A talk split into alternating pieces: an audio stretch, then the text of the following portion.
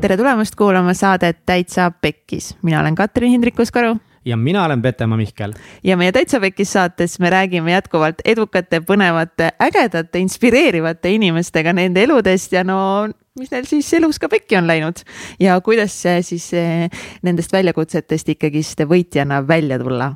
ja tänases saates on meil külas mees, keda me oleme saatesse kutsunud kolm aastat ja nüüd siin ta on, härra Alar Ojastu oh my god, aga see oligi õige aeg see pidi praegu juhtuma, see ei pidanud juhtuma aasta aega tagasi, kaks aastat tagasi, kolm aastat tagasi, see pihti, pihti juhtuma nüüd. Jah, ja väike disclaimer äh, siia, et äh, kui me saadet salvestasime, siis äh, mul hakkas see päev just korralik silmapõletik ja mõtlesime üldse, et kas me salvestame seda saadet, aga siis me ikkagist tegime seda, kuid kahjuks poole, poole saate pealt ma lahkusin see ei olnud väike silmapõletik, sa olid full paistes. jah, jah, ma pärast läksin ka haiglasse. nii et äh, kui te arvate, et miks ma midagi võib-olla see saade ei, ei rääkinud ja lõpus mind üldse polnud, siis, äh, siis teate, et äh, Mihkel tegi selle saate, aga see oli tõesti hea. aga kes siis, kes siis see Alar poiss on, kes veel ei tea? Alar Ojastu on üks Eesti kõige kuulsamaid koolitajaid üldse. ta on ka tituleeritud siis aastal kaks tuhat kaheksateist Eesti parimaks või mis aasta koolitajaks. mis on üks ütlemata kõva, kõva tulemus ja peale siis koolitajad ongi, ta on abikaasa. ta on siis väga hinnatud, täpsemalt meeskondade juhtide koolitaja on see, mis tüüpi koolitust ta teeb. ja ta on ise näinud ja tundnud hästi palju edurikkust, ta on oma egoga terve elu väga palju võidelnud ja tänaseks ta ongi nõustanud sadu organisatsioone Eestis, Euroopas, Aasias, Venemaal. ja nüüd ta on andnud välja ka ühe päris menuka raamatu, mille nimi on Ratsionaalne emotsionaalsus ehk siis tugevad tulemused pehmetest eh, tegudest et on tõesti suurepärane mees ja, ja mingil määral võib ka öelda, et, et ka täna sai Mihkel natukese teraapiat, aga nüüd juba nagu natukese vähem. ka täna jätkuvad Mihkli teraapia sessioonid see oli täiesti äh, crazy saade ja Alar rääkis väga-väga ausalt väga tumedatest asjadest. aga enne seda, kui te seda saadet saate nautima hakata, siis ülioluline on jätkuvalt see, et äh, kui teile meeldib see, mis me teeme, kui see puudutab teid, kui see innustab teid, siis kõige parem viis, kuidas meid toetada, on tulla meie toetaja pere liikmeks. Patreon.com kaldkriips täitsa pekkis. nii et raha mulle, saated teile ostan leiba, ostan piima, piima tegelikult ei osta, ma vihkan piima ja mis on sellest veel tähtsam. on see, et äh, Mihkel tuli töölt ära see ka absoluutselt, aga sellest veel tähtsam on see, et meil on siis jäänud mingi. alla kahe nädala. alla natuke. kahe nädala, milleni? Äh, meie nimetame siis nüüd ikkagi seda transformatsioonifestivaliks Äh, transformatsioonifestival äh, kolm punkt äh, null siis juba kuusteist oktoober teie ees ja jätkuvalt saate veel pileteid osta taitsapekis.ee kaldkriips seminar ja seal on meil siis seekord kümme tõesti super inspireerivat esinejat.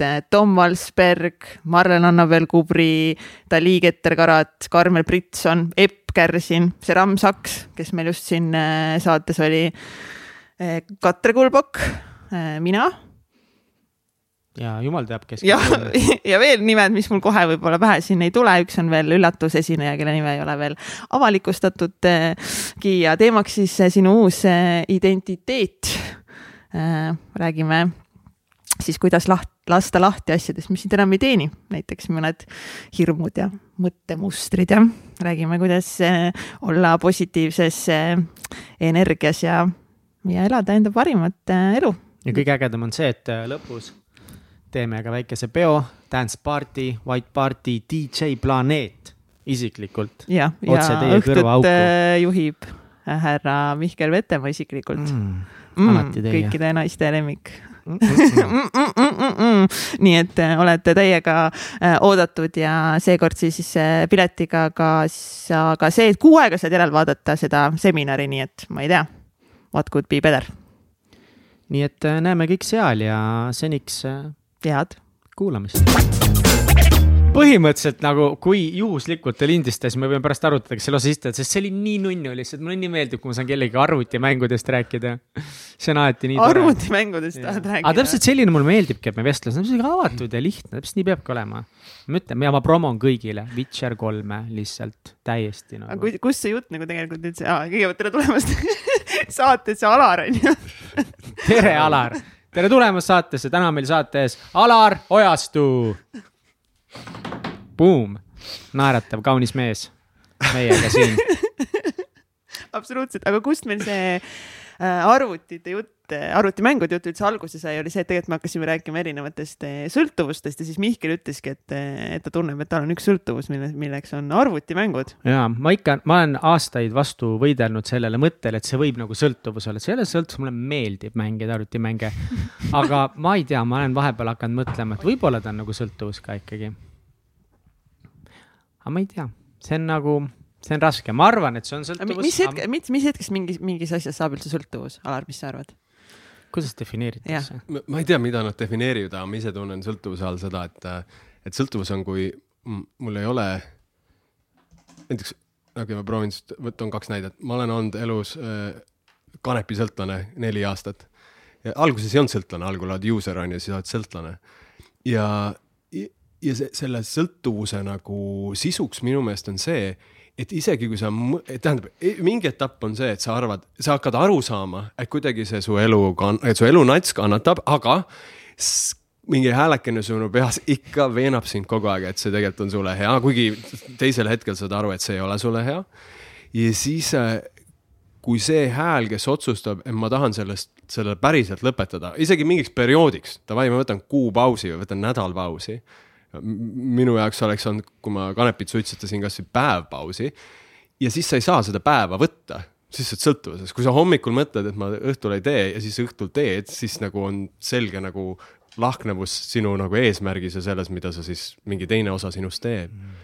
või siis teine teema, millest ma ei ole siiamaani nagu välja kasvanud, on porno, on see, et, et ma näen nüüd see on niisugune nagu teema, millest noh, ma olen päris palju pornosõltuvusest rääkinud juba erinevate inimestega ja ja, ja ma olen kuulnud seda, kuidas sa Vaba Laval rääkisid sellest ja Kats kirjeldas seda, mäletan, see on üks esimesi nagu siukseid konkreetseid sinu mingeid väljaütlemisi, mida ma sinu kohta kuulnud olen, e, tegelikult kõige esimene oli Hallo kosmoses kunagi ammu, mida ma kuulasin ja see oli nii ammu, ma ei mäleta palju sellest ja teine mäletan, kui Kats rääkis mulle sellise innustusega lihtsalt, Kats, kirjelda mulle, kuidas sa rääkisid seda üritust?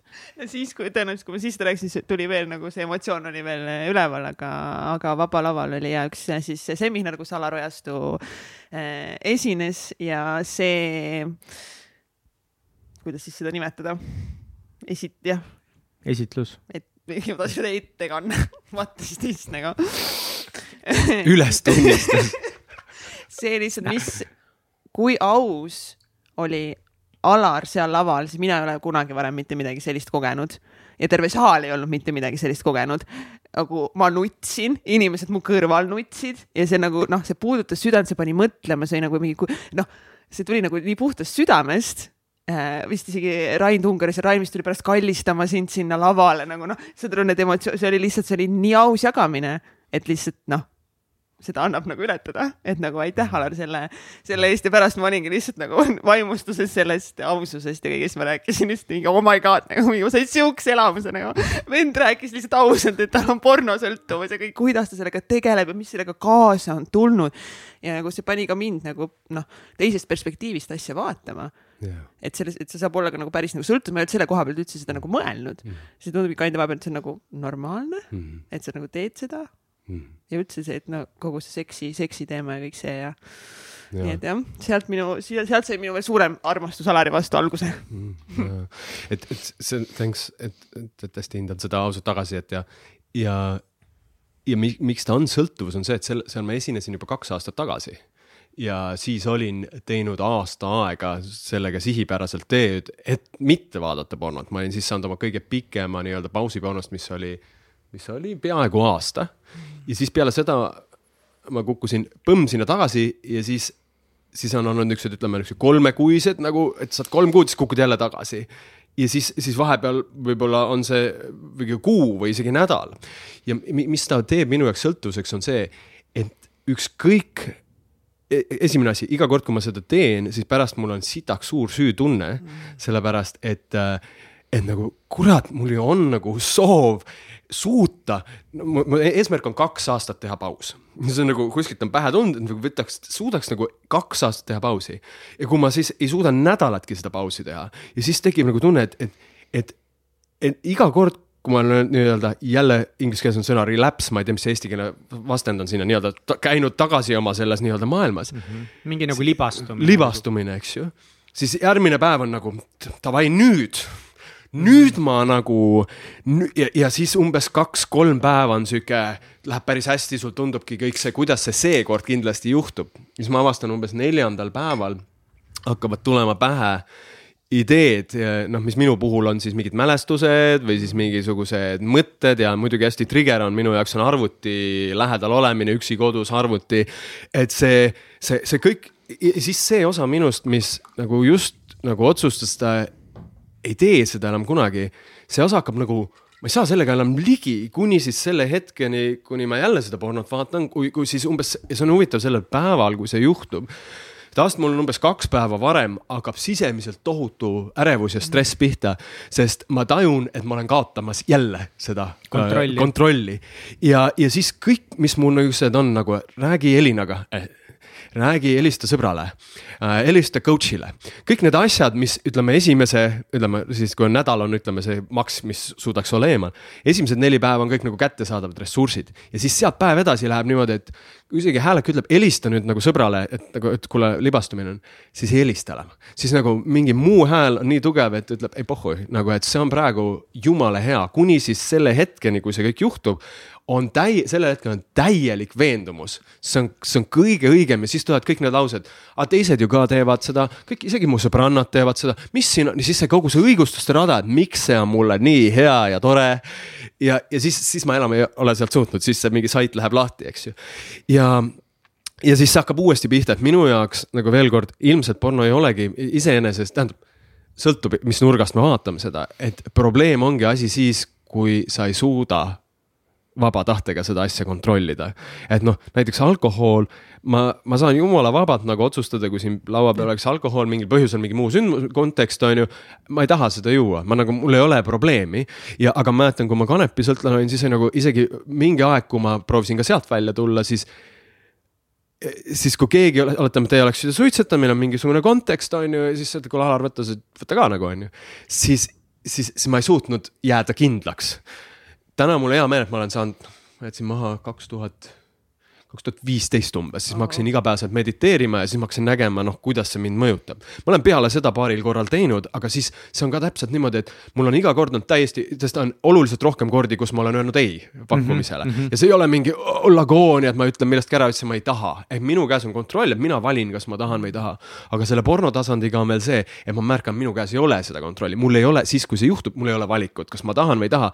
see osa minu psüühikast, mis on harjunud sealt siis ma arvan, see on kaks tasandit, et mis on harjunud nagu ärevust sinna maandama või siis see osa psüühikast, millel on nagu mis kuidagi tunneb sealt nii-öelda, see on selle heaolu allikas minu elus, noh, olnud alates kümnendast eluaastast, et siis noh, seal ei ole valikut ja, ja, ja, ja ja noh, ma olen hullult palju on see aasta aidanud, ma olen saanud kõikidele oma seadmetele pornoblokkeri peale.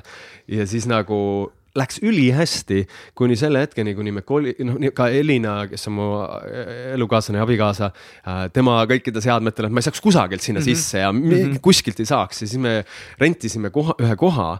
ja siis seal kohas, äh, kus me elame, siis me olime seal olnud kolm kuud ja siis, kuna ma telekat ei vaata, mitte et mul oleks midagi selle vastu, vaid lihtsalt ma vaatan läbi arvuti filme ja nii edasi. siis üks päev vaatasin, oota, meil on siin on selles kohas on nagu kogu aeg seina peal telekas ja siis mingi ajuke ütles, oota, aga äkki nagu vaataks, kas seal on internet, no muidugi seal oli internet ja siis seal oli kõik see, mida mu alla surutud üks osa nagu väga oli igatsenud, et sinna tagasi minna. aga ma näen, et, et kuna see paus on olnud jälle niisugune pikem, siis, siis ei ole, noh iga kord, kui paus on pikem, siis siis see sõltuvus, et sa pead seda iga päev tegema või, või mitu korda päevas, et, et, et on lihtsam jälle nagu minna siis sellele uuele huh,, davai, seekord äkki õnnestub mm. -hmm. aga mis selle porno juures nagu on, mis, mis noh, mis, mis viib sind sinna või tagasi. mis on selle sõltuvuse taga nagu, et iga sõltuvuse taga nagu tihtipeale võib-olla ongi mingi see noh mingi lapsepõlve ja siis ütlesid, et see on nagu, et see on ärevuse maandamiseks äh, aga on ka igasuguseid muid viise on ju, kuidas ärevust maandada, et miks just nagu see porno, et mis on nagu selle juures nagu see, mis toob sind nagu tagasi, kas just see, et sa alustasid nagu juba lapse nagu suht väga noorena nagu seda teed ja see harjumus lihtsalt tekkis nii suur või? jah, mulle tundub, teil on erinevad küsimused, ma võib-olla vastan sinu küsimusele ennem. ma arvan, et äh, ma näen, kui, noh, vaata, ma alustasin kümneselt, eks ju, ja, ja kuna ma olen kolmkümmend kaheksa, eks see on kakskümmend kaheksa aastat ja ma arvan, et sellest äh, kuskil no ütleme, ma kujutan ette kaheksateistkümnendast eluaastast kuni kolmekümne kuuendani. ma arvan, et ei olnud päeva mu elus, millal ma ei vaadanud pornot. ilmselt oli mõni, kui ma olin mingisuguses, ma ei tea, mingil põhjusel ei saanud vaadata, et sõpradega metsamatkal või noh, mul ei olnud niimoodi, et ma siis ka Jaa, mingid metsamatkal pean seda tegema, eks no mingid nagu eraldi, no see elu, elupõhised, aga oletame, kui ma olen nagu tüüpiline päev, kus arvutile ligipääs on olemas, siis pigem sellist päeva ei olnud. ja, ja see on, noh, veel kord äh, ma tahaks ka rääkida kindlasti sellest, miks ma ei taha seal olla, on ju.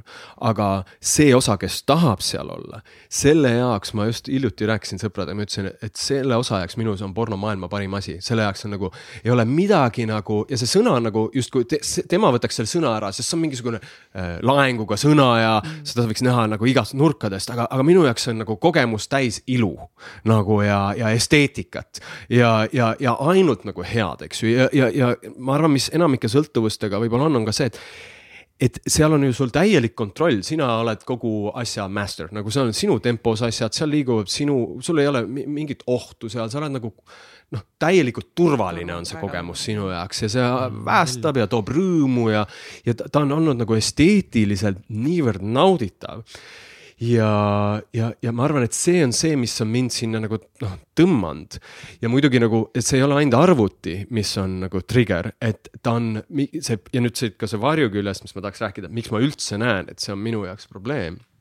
on see, et see äh, ma olen nagu ka sõltuvuses minu standardite järgi ja standard ei ole mitte mingi hea või halb, noh, minu maitse järgi nagu naistest ja üleüldiselt on ju, ma lähen trenni ja siis seal on mingisugune tüdruk, kes on mingi ekstra vaeva näinud, et tal juuksed oleks mingi eriti täpselt sellised nagu minu ajule need meeldivad, see pepu oleks täpselt nii treenitud ja, ja kõik see riietus oleks täpselt selline, mis on siin minul nagu siin kõikide nende tuhandete tundidega vaadates kehasid nagu siin sees, ehk põhimõtteliselt, et, ma et mul võib olla ju iga päeva taustal mingi nagu mikrostress ja siis ma lähen kuskile kohvikusse sööma õmm, ja seal on mingi tüdruk. Ja juba see käivitab minus nagu, nagu suure nagu, nagu ähm, ja ühesõnaga ma näen, et hästi kiiresti see lihtsalt huvi ja uudishimu ja meeldivus, mis on esmatasand inimestega ja see võib olla mul nii meeste või naistega, see on nagu puht, osad inimesed sulle tunduvad meeldivad mm, -hmm. see on nauditav neid vaadata, isegi vahet pole, mis see nende puhul on, mis sulle meeldib kellegi puhul.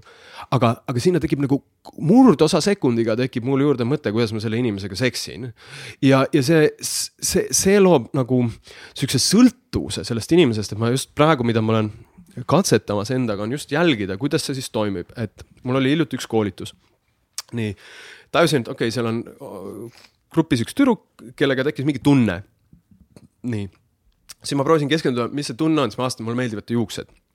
nüüd ma vaatasin, kuidas ma tunnen seda, et mulle meeldivad ta juuksed um,. tajusin, et mulle tekkis sihuke um, see oligi nagu kuskil südame, kõri, pea, niisugune nagu rõõmutunne, nagu ma võiks väikse poisina, sest ma mäletan, mul on tüdrukud meeldinud juba hästi, hästi, vaata lapsepõlvest ei ole väga palju inimestel mälestusi, aga mul on hullult palju mälestusi, kõik tüdrukutega seotud, tihti on mingi nagu rõõmuga nagu tüdruku asi on mulle nagu alati olnud nagu väga nauditav. aga väga väiksena ei olnud tüdruk nagu, et ma tundsin mingi peenises midagi, see oli lihtsalt nagu tüdruk oli äge, see oli kuidagi tore, kui- tore ja see oli selline rõõm. ehk esmatasand nende juustega tuli mu kehasse seesama lapselik rõõm. ja nii kui sinna peale tuli siis see hästi kiirelt mingisugune nagu üpris robustne nagu seksuaalne kaader selle inimesega. siis mis muutus minu sees, kuna ma jälgisin, kus mu, mis mu seisundist sai, mul oli tekkinud äh, teatud määral äh, niisugune agressiivne, niisugune nagu natuke nagu davai raisk, nagu siukene äh, mingisugune versioon minu seksuaalsusest, mis ma ei ütle, et ta teeks kellelegi liiga, aga ta on dominantne. see on seesama, mina kontrollin. ja, ja, ja sellest koha, see on kõik nagu nii peenhäälestus ja sellest kohast ma vaatan sellele tüdrukule ülevalt alla. nagu oma sees, nagu sina oled nüüd see, keda mina hakkan kohe panema, sihuke nagu tunne ja see on, see on, see on, see on ärakasutav. ja siis ma imestan ja siis ja nüüd, kui ma seda ise kõrvalt tähele ei pane, siis ma nagu järgmine hetk olen selle tüdrukuga kõrvuti kuskil söögilauas või koolitusel. Ja kui ma ei ole tähele pannud seda, siis mu energia on tema suunas kogu aeg tarbiv, sihukene nagu naudisklev ja sihuke libe ja mingil määral sihukene nagu kiimane. ja, ja samas on miserable või ma ei tea, mis see, mis on eesti keeles miserable, sihuke nagu tegelikult ei juhtu ju mitte midagi, et sa ei saa ka seda, mida sa tahad, siis tekib sihuke nagu agoonia sinna sisse, et aa, et aga. ja siis mul juba läheb see nagu destruktiivseks mu oma lähisuhtes, et persse, miks ma siin suhtes pean olema, et. et mu abielu on mulle takistus ja ma olen nagu, ma saan, nii palju on neid, kellega ma tahaksin kõigiga seksida ja siis ma satun mingisugusesse nagu frustratsiooni enda sees, et see ei juhtu. ja see on yes. üliväsitav, eks ole. ülimalt väsitav. ma olen sedasama tunnet tundnud. ma olen tundnud seda tunnet nagu ja vaata, ma seda tundnud kuidagi niimoodi ongi, et nagu esiteks paned see Instagram koos porno kokku, et Instagramis on kõik lihtsalt nagu noh. Best of their best on üleval, on ülipaljudel tüdrukutel lihtsalt best of best nagu kõige, kõige hot imad pildid, mis kunagi olnud on. ja pornos on ju, sa saad, noh, sa saad nii peenelt välja otsida täpselt selle ideaalse kaadri, mis sul täna just nagu. ükskõik, ükskõik mis mõte sul on, sa leiad selle, selle, noh, see on lihtsalt nii ebanormaalne, kui. kui mul on täpselt mõte, tead, ma ei tea, seal võiks mingi noh, mis iganes, kolmnurgakujuline Peppu võiks just praegu olla ja rohelise ja sinise kirjud bikiinid ja sa täpselt selle leiad lõpuks sealt ülesse ka. no ja see trigerdab kõiki ja siis ma olengi nagu mäletan täpselt, ma ehmusin megalt ära ükskord. ma arvan, et see oli kestnud paar kuud. Äh, et äh, ma olingi nagu hakanud tüdrukuid teise pilguga vaatama, täpselt see, et sa kõnnid, sa kaugelt vaatad, kena tüdruk järsku sa mõtled, sa fantaseerid mingitest noh, ikka väga sellist dominantsest seksist selle tüdrukuga. ja ma ei pannud seda tähele ma ei pannud alguses tähele, sest mingi hetk ma taipas paar kuud, et issand jumal. ma nagu vaatan tüdrukuid mingi ülihaige pilguga, ma ehmusin hullult ära. ja siis ma hakkasin seda kogu aeg nagu tunnetama, et ma teen seda. ja ma mäletan, ma olin lihtsalt, hoidsin peast kinni, et mingi tule ära mu peast, tule ära mu peast, et kes see on mind üle võtnud, et lase lahti minust. Aga see kuidagi nagu, see läks ära ma mäletan, aga ma tegin Instagramist vist mingit pausi ja lasin mingid äpid maha ja, ja see nagu õnneks läks ära, aga ma mäletan, kui minu jaoks oli kaks tunnet, et esimene oli nagu hirm natukese, et okei okay,, et mis minust saamas on või noh, et kuidagi, et noh, ongi, ma hirmutasin iseennast nagu selle mõttega ja teine oli see lihtsalt, see oli nii väsitav. see oli nii väsitav, iga pihv jälle ma pean panema teda, noh, kurat küll, noh. see on, vau. Ma ise näen nagu, kui ma praegu vaatan sedasama, et kus, kuidas ma seda, sellega elus suhtestun. et, et see on natuke äh, ma, seal, ma kaotan oma mehelikkuse, oma noh, oma jõu ära. ehk a la oledki seal jõusaalis, selle asemel, et trenni teha, mingi Fookus osa nillib kogu aeg kedagi ja sihuke nagu noh, kompulsiivne vajadus vaadata ja samas nagu see on nagu masohhistlik, sest ma olen, ma ei tea, oma abikaasaga koos trennis on ju ja siis sinna tekib mingi süü et ma kedagi kõrvalt vaatan, ma tean, et see talle teeb haiget äh,. see, see, see viis just, kuidas ma vaatan ja see, et, et, et ma ei saa ka ja siis see ja siis see teeb mulle ka haiget, aga midagi ma selle tulemusena ei saa, pluss mingi hetk mul tekib tunne, et see naine nagu paneb tähele, et ma teda võib-olla vaatan. ja siis on nagu hirm, et äh, ma olen järjekordne see mingisugune nillija, see paneb täiega nagu enesekindlusele ja siis hakkad nagu jõuga, et vai ma ei vaata nagu, ma ei vaata, siis teed mingit seal trenni ja siis see nagu, nagu sa ütlesid, see tohutu energiakulu, et tahaks nagu näha lihtsalt, aa, tore, ilus. Fine, ma saan nagu edasi elada, ma ei jää sinna nagu sellega nagu ekstra mingi suhtesse ja ma märkan, et see jääb noh, mingisugune ilus tüdruk, keda ma kuskil kohtan. ta elab mu süsteemis, kui ma olen lasknud ta sellest nagu piirist, kus ta lihtsalt on meeldiv asi. noh, asi ei no,, mis iganes nagu miski, mis on meeldiv. kui ma sellest ta lasknud sinna järgmisse tasandisse, mis on nagu natuke naudisklenud juba seda, seda ideed temast see jääb mu süsteemi tihti nädalaks. ta nagu mu aju läheb tagasi uuesti, uuesti ja siis ongi kurvem on see, et vaata, seesama tüdruk on siis seal jõusaalis on nagu mingisugune ka Max versioonis on ju. ja siis nagu äh,, siis ma olen, siis ma olen kodus, on ju. Elina on vahepeal nagu ka muud versioonid kui Max versioonid ja siis oletame, et äh, kui meil veel on omavahel, mis iganes nagu asi ei ole nagu ideaalne siis, äh, siis, siis, siis ma suhtlen Elinaga ja samal ajal mingi osa minust hoiab kogu aeg seda kellegi teise maksversiooni kõrval. ja siis ma märkan, ma muutun Elina suhtes mittearmastajaks, sest mul tekib kriitika. ma küll ei ütle seda enam välja, kunagi ma olin otseselt kriitiline tema osas.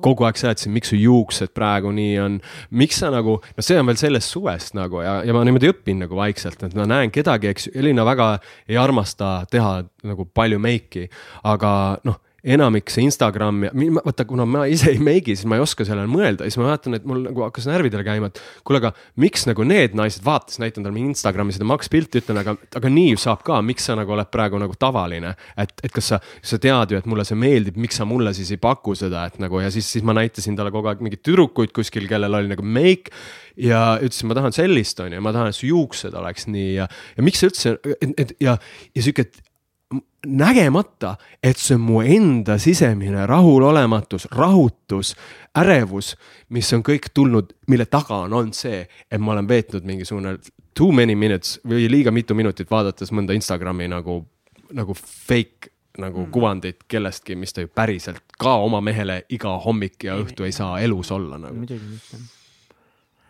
ma mõtlen nagu, tahan kahes suunas praegu minna mm võib-olla selles suunas, et, et aga ikkagi nagu üldiselt mulle tundub, et me kõikide sõltuvuste taga on mingisugune nagu noh, see mingi see teemant või mingi valu, mingi auk või mingi puudujääk. Eh, mida me ühel või teisel viisil siis kompenseerime. kas sa oled nagu endaga palju töötanud, kas sa tead nagu, kust see võib tulla või, või mis on see, millega sina pead tööd tegema just sügavamal tasandil oma hinges? no nii palju, kui ma ise ma mäletan, et kui ma endaga ei olnud veel väga palju äh, nagu just, ma, ma saan öelda, et minu esimene, ma hakkasin lugema niisugust eneseabikirjandust, kui ma olin üheksateist. Ja ma arvan, kuni kolmekümne kolmanda eluaastani või isegi, ei, kuni kaks tuhat neliteist, kui ma käisin Ingrid Peegi saates äh,, minu nagu Äh, võiks öelda, minu nägemus eneseabist oli suhteliselt ühekülgne, ehk ma nägin, et eneseareng käib läbi selle, et sa keskendud positiivsele, kogu aeg otsid kõiges positiivset. täna näiteks on hästi huvitav, just eile lugesin uuringuid sellest, et et näiteks naised, kellel on, Gabor Mate raamatust When the body says no, ma ei tea, kas see on eesti keeles ka, et, et naised, kellel on rinnavähk ja kes justkui kõrvaltvaatajatele, oma sõpradele, perele näivad nagu neil noh, räägivad kogu aeg, ma saan sellest üle, kõik läheb hästi, pole hullu ja, ja justkui väliselt käituvad edasi täpselt nii, nagu probleemi ei oleks. võrreldes nende naistega, kes räägivad, et vau wow,, on küll sitasti, päris jama lugu on, ma pean nagu käima ka teraapias, et nagu mul on surmahirm mul on nagu tunne, et äh, ma kardan oma rinnast ilma jääda või mis iganes sellega loomulikud tunded kaasas käivad. siis need naised, kes kuuluvad sinna positiivsesse gruppi, kes justkui eitavad valusaid tundeid, sest nad on kuskilt õppinud selle nagu, et ei ole vaja või nagu just focus on the positive nende nagu suremus on neli korda suurem, noh nagu oluliselt suurem tõenäosus surra ja miks, sellepärast et vaata, ma näen ka, et mina olen hästi pikalt olnud elus, täna on hästi ilus väljend tekkinud, toksiline positiivsus. ehk see on selline nagu õpitud positiivsus, mis eirab valu, kannatust äh, ja kõiki negatiivseid emotsioone, pidades neid vähetähtsaks. ja, ja see on see esimene ots, kust ma nagu tulen. Äh, kuna lapsepõlv ja noorus äh, oli hästi täis valu ja mm, ja siis korraga leiad Tony Robbinsi raamatu, mis no, nagu. missugust valu um,? füüsilist, emotsionaalset, koolikiusamist, kodus vägivald, eh, rohkem emotsionaalne vägivald. nüüd on mul ka traumatöösse, teraapiasse nagu tekkinud tunne, et võib-olla on ka lapsepõlves mingi seksuaalne nagu mingi asi, mida ma veel päris kätte ei ole hakanud saama. ja, ja, ja, ja noh ja siis on veel sama oluline on ka esimesed, millest võib-olla me jõuame rääkida, see on ülitähtis, on nagu kaheksateist esimest elukuud. Ja mis ma olen täna nagu aru saanud, on see, et, et valu põhjustajad ei ole ainult sündmused, mis meiega juhtuvad, ongi nagu vägivald või midagi, mis on vale, mida ei tohiks inimesega juhtuda normaalses arengus, vaid valu põhjustaja on ka kõik see, mis jääb mingil arenguetapil juhtumata. et kui sa näiteks oled väga väike imik ja sa vajad nagu selgelt nagu sul on noh, sa nutad, sest sul on mis iganes, võib-olla kõht valutab võib-olla ema sellel ajal nagu tülitseb isaga mm. ja tal ei ole endal nagu ressurssi selle nagu emotsiooni keskelt sind üles tõsta ja sind lohutada ja, ja sulle pakkuda tuge, eks ju. siis sinul on õudselt ebamugav ja sa jääd, saab sellel hetkel jääb saabumata see tähelepanu, mida sa vajad, sest vaata, lapsed sünnivad siia sedasi, et meie närvisüsteemil, autonoomsel närvisüsteemil, autonoomne tähendab äh, siis äh, tahtele allumata, siia kuulub nagu hingamine, südametöö, seedimine, see, et sul hommikul on boner on ju, et see, nagu ei allu sinu tahtele. ei allu järsku ja, ja, ja, ja see, see tähendab autonoomne. ja, ja, ja, ja selle autonoomne närvisüsteem reguleerib ka seda, et kui midagi ohtlikku juhtub, et me läheksime ma ei tea, kuidagi tundub oluline, sina võid varsti minna siin fight flight'i ehk võistle põgenemise režiimi, et võib-olla tooks ka selle sisse, ma ei tea, kas sa oled ka kaameras, aga inimesed võivad mõelda, mis toimub, et sul ja võib-olla ja need, kes meid Youtube'ist vaatavad, siis mul lihtsalt väike silmapõletik ja siis mul on nagu suht pask olla. aga ma ei olnud valmis ka loobuma sellest eh, vestlusest, nii et ma lihtsalt äh, kulged siin. kulgen ja, ja, ja kuulan, ma olen täiega teiega. ja, ja, ja, ja ole täpselt nii, nagu sul hea on. ehk siis autonoomne närvisüsteem on disainitud selleks, et et mingitel hetkedel me ei peaks mõtlema, ehk piltlikult öeldes, kui ma astun no, sinu, me räägime juttu praegu nii nagu räägime, astume autoteele ja siis tuleb nagu siis me, keha nagu reageeriks automaatselt ja hüppaks ja tõmbaks noh, ühe meist nagu, nagu eest teisega ära sealt, see juhtub kakssada korda, korda kiiremini, kui meie nagu loogiline mõte jõuab midagi järeldada, et see on auto ja kui kiiresti, ehk see toimub nagu mõttest kiiremini ja, ja iga laps ja see, siia alla kuulub siis nii-öelda võitle-põgene refleks, mille juurde siis läheb ka tardumise refleks. Ja ma võib-olla sellest natuke räägiks, sest ma lähen nagu pisut suurema ringiga nagu selle sõltuvuseni, sest see värk mind hullult huvitab praegu. Um,. nüüd võtame sellesama autonoomse närvisüsteemi. Uh, kui, kui, kui sul on ohuolukord, tähendab tavaolukorras oleme me nii-öelda parasümpaatilises ehk autonoomne jaguneb sümpaatiliseks ja parasümpaatiliseks. ma proovin hoida hästi, hästi lihtsalt, sest tegelikult ongi siin vähe versioone, kolm tükki ongi autonoomne ja siin on parasümpaatiline ja sümpaatiline. ja see puudutab siis nüüd, kui ma olen parasümpaatilises, siis piltlikult öeldes ma olen lõdvestunud seisundis, see on normaalne seisund, loomad on sellest seitsekümmend protsenti ajast, inimene peaks ka olema seitsekümmend protsenti ajast. sihuke nagu lõdvestunud, hea on olla. mis tähendab seda, et, et meie põhi nagu verevarustus on siseelundkonna ümber ja, ja seedimises. ehk me keha seedib, sealt tekib meile nagu homseks päevaks immuunsüsteem, uued rakud, koed, nii edasi, eks ju, et sealt tuleb meie elu. kui meil on nagu, tekib mingi stressirohke olukord, eks ju, ehk a la keegi tuleb siis sisse, mingi tüüp relvaga siia stuudiosse, siis sellel hetkel seesama süsteem lülitub ümber selle sümpaatilisse närvisüsteemi, mis tähendab, et seedimine lõpeb ja meie verevarustus läheb meie pindmistesse lihastesse, et meil oleks niisuguseks plahvatuslikuks põgenemiseks või võitluseks jõudu. sest noh, loodusest on see hästi tark, sest et mis mõte on seedida, kui võib-olla minuti pärast seedib keegi teine mind, on ju, nagu, et mulle õudselt meeldib see analoog, on ju, et pointless, noh, et, et keha on hästi tark. ja nüüd see, see on, see on, see on automaatne, noh, et me ehmatame, see kõik juhtub automaatselt ja, ja siis sa rahuned jälle maha mingi hetk. nüüd jama on selles, et kui sa siia maailma sünnid, siis iga beebi oskab äh, tunda seda võitle-põgene režiimi, kuna see pärineb meie Rooma ajust, seal ei ole mingit õpet, see on nii refleksne, instinktiivne. ehk kõik lapsed kardavad ja kõik lapsed näitavad välja pahameelt, ükskõik kui vanad nad on. et see on nagu sisse kirjutatud, tuleb nagu hard, software olemas juba see, kuidas käib nagu kannatus mm -hmm. ja kannatusest märgu andmine läbi nutu või, või, või siis agressiooni. samas, milles on probleem, on see et ükski imetaja, sealhulgas inimene, ei sünni siia siis soft'iga või äppidega või oskusega ennast tuua sellest stressist seisundist rahulikku seisundisse. ehk siis me ei oska, beebi ei oska iseennast rahustada. beebi ei oska oma stressi maandada, puudub selline nagu skill, null, olematu. ja nüüd mis aastatel teie sünd-, mina sündisin kaheksakümmend kolm, millal siin? üheksakümmend. kaheksakümmend kaheksa. et nüüd, mis juhtub, on see, et et vaata, loomad hästi palju limpsivad oma noh, käppasid, käppasid, pluss oma pisikesi, on ju, ja on see hiir siis või kass või koer, nad kogu aeg limpsivad nagu ka meid, aga nad limpsivad ka oma lapsi, kui nad kogu aeg nagu limpsivad. ja siis algul ma kunagi mõtlesin, et limpsivad seepärast, et nad kogu aeg peavad puhastama neid nagu mingi tohutu vajadus, et mingi haisevad, et koerapojad, siis peab hullult lakkuma. tegelikult, mis seal taustal on see, et, et, et puudutus sealhulgas ka iseenda rahustav puudutus või oma kallima inimese, just niisugune nagu rahustav puudutus, puudutus äh, va, äh, va, vabastab siis organismi sellist heaoluhormooni nagu oksütotsiin. ja oksütotsiin on siis hormoon, mis on seotud jumal, päris mõnus on, eks ju. ja, ja ma arvan, sul on ka täna eriti hea seda teha, kui sa oled paha, siis sihuke lihtsalt nagu, ei, kui sa, sa ei tohi tisse puudutada, seepärast siis tuleb teine hormoon. ja siis sa lähed teise režiimi. aga oksüdotsiin on see, et kui me oleme armunud, siis me küll puudutame igast neid nagu erogeenseid tsoone ka üksteisele ja iseendal palju, aga me puudutame oma kallimat, noh, oluliselt rohkem tavaliselt kui inimesed, kui nad on viis aastat koos olnud. pai igale poole, hästi palju ümbert kinni olemine.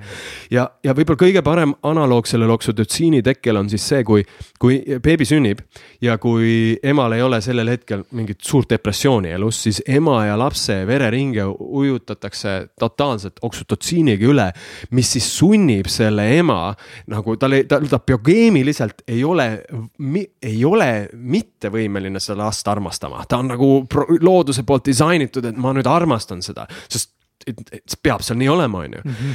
ja mõned mu sõbrad ka on öelnud, kellel on laps sündinud, et see on nende jaoks nagu üks elu või isegi spirituaalne hetk, et mingisugune tohutu nagu muutunud teaduse seisund isegi, niisugune lähedus selle imikuga ja, ja, ja, ja oma naist võib-olla rohkem nagu hoiad sellel nagu hetkel, et seda oksüdotsiini on rohkem.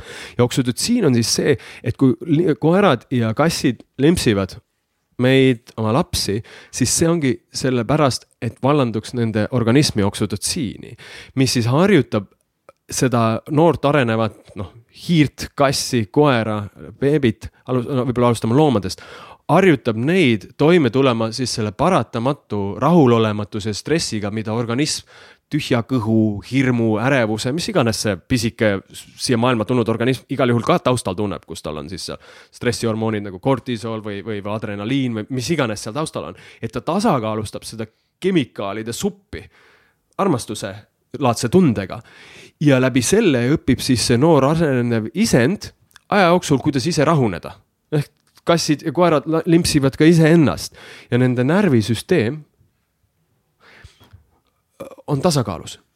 ja see on hästi huvitav, et kui on tehtud siis äh, rottide seas, noh, kuna nende seas enamus niisugused katsed tehtakse, et kui sellele rotibeebile jätta nagu toit, tal on kõik söök olemas, aga ära võetakse talt ainsana nagu see limpsiv ema yeah,. Yeah. kõik muu on olemas, aga keegi ei limpsi teda, siis ta kasvab küll täis, ta ei sure ära ta kasvab nagu üles, aga ta on siis nii-öelda, kui ta siis teiste rottide seest lastakse, on siis kaks versiooni, kas ta on tota-, tähendab, pigem ongi üks versioon, kuna ta teised rotid tekitavad paratamatult tas ärevust ja need võitle-põgene aktiveerub.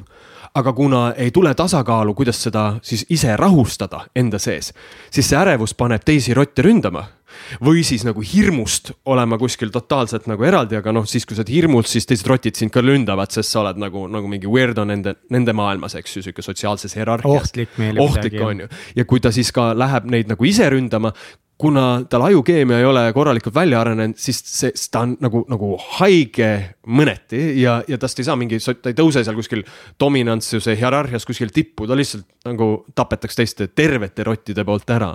ja nüüd sama on siis inimesega, et kui laps sünnib ja ema küll annab talle kõik füüsiliselt on justkui olemas, sul on see söök olemas, sul on see tiss olemas, sul on see voodi olemas, sul on soe tuba, kus sa kasvad. aga võib-olla ema nagu ise ei ole sellel hetkel oma lähisuhtes näiteks või mis iganes põhjustel, tal on raske endaga, ehk ta on ise selles võitle-põgene režiimis, kus ta on siukses nagu ärevuses ja stressihormoonides, on stressi, stressihormoonid juhivad teda, siis see nuttev laps võib talle tunduda sellel hetkel kui nagu too much, noh liig. ehk, ehk ta on, tal on nagunii raske, ta vajaks ise kallistust ja nüüd, kui sa vajad ise kallistust, siis kui tal ei ole veel olnud omakorda väga head lapsepõlve eeskuju ja ta ise ei saanud seda imikuna siis ta võib selle lapse isegi sülle võtta, aga ta võib-olla võtab selle mõni minut liiga hilja. või siis ta võtab selle lapse sülle pisut nagu noh, me kõik teame, et kui me, me saame ka võtta kedagi sülle ja proovida teda rahustada, ise olles mitte rahulik. ehk see on teistsugune, me tahame kiiremini, et ta jääks vait ja lõpetaks selle, ehk seal muutub see hääletoon, seal muutub see tempo, seal muutub see hingamine. ja see kõik sellele imikule mõjub ta, sest vaata imikuna meil ei ole ratsionaalset mõistust, meil käib kõik otse ainult läbi kehatunnetuse, läbi, läbi nagu aistingute, seega me ilmselt oleme üliteravalt häälestatud armastavale puudutusele, me saame aru, milline on rahustav ja milline on nagu kärsitu puudutus. ja kui siis sa satud lapsepõlves sellisesse olukorda, et, et mina tean, et minu ema-isa selle kahe esimese eluaasta jooksul, mis on aju arengu seisukohast kriitilised, tülitsesid ülipalju. mu, ma ei taha minna nende nagu suhtesse, aga ühesõnaga tagantjärgi, kuna mul on olnud nii raske endaga täiskasvanuna ja, ja ma olen nüüd olnud no mingi mitukümmend tuhat eurot reaalselt investeerinud nagu tippteraapiatesse ja ikka on fucking raske nagu. et noh, siis on lihtsalt, mul on nagu meeleheide nagu what the fuck is wrong with me, mis mul viga on nagu ja siis ma olen noh, pidanud nagu tõesti minema nagu nii detailideni, et aru saada, kust läks valesti, on ju, sest algul ma hakkasin keskenduma nendele, et noh, isa andis liiga tihti nagu rihma või molli, on ju, nagu, et aa, aga siis nagu justkui käid need asjad teraapias läbi, sa avastad oota, aga, aga miks ma ikka isa vihkan nagu, miks ma ikka olen kuradi närviline ja miks ma ikka iga suvalise asja peale lähen ülikergesti närvi, miks ma ikka ei saa sellest pornost välja, eks ju. ja siis liigudki nagu samm-sammult sinna ettepoole ja saadki aru, et okei okay,, kuule, aga ema ja isa, mis teil toimus siis nendel hetkedel, mida ma ei mäleta, on ju. ja siis saadki teada, vau, et neil oli nagu fucking raske nagu, et see ei olnud mingi nagu rõõmu nagu suhe seal. ja siis mõtledki, et noh, ise ma ju tean seda väga hästi, kui on suhtes probleemid mul on endagigi raske, kui ma nüüd peaks kellegi eest veel hoolitsema, ma näen nagu näiteks, kui mul on endal raske ja Elinal on, kuna tal on ka olnud väga raske lapsepõlv ja kui Elinal on, meil ei ole lapsi, aga kui Elinal on raske ja ta vajab minu tähelepanu, siis kui mul on raske, mul on, ma ei suuda talle pakkuda armastust, ma lihtsalt ei suuda, see on mulle too much. Ja nüüd ma mõtlen, et on see väike laps, okei okay,, ma kujutan ette, ma võtaks ennast kokku.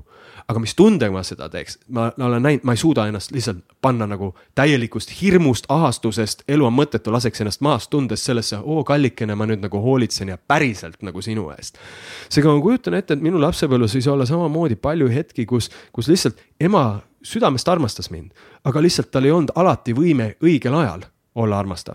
mis tähendab seda, et lapse jaoks jäi sinna võib-olla minut, kaks, kolm liiga palju nagu oma valuga olemist, mis on liiga intensiivne su selle areneva närvisüsteemi jaoks, sest sul puudub oskus ennast rahustada.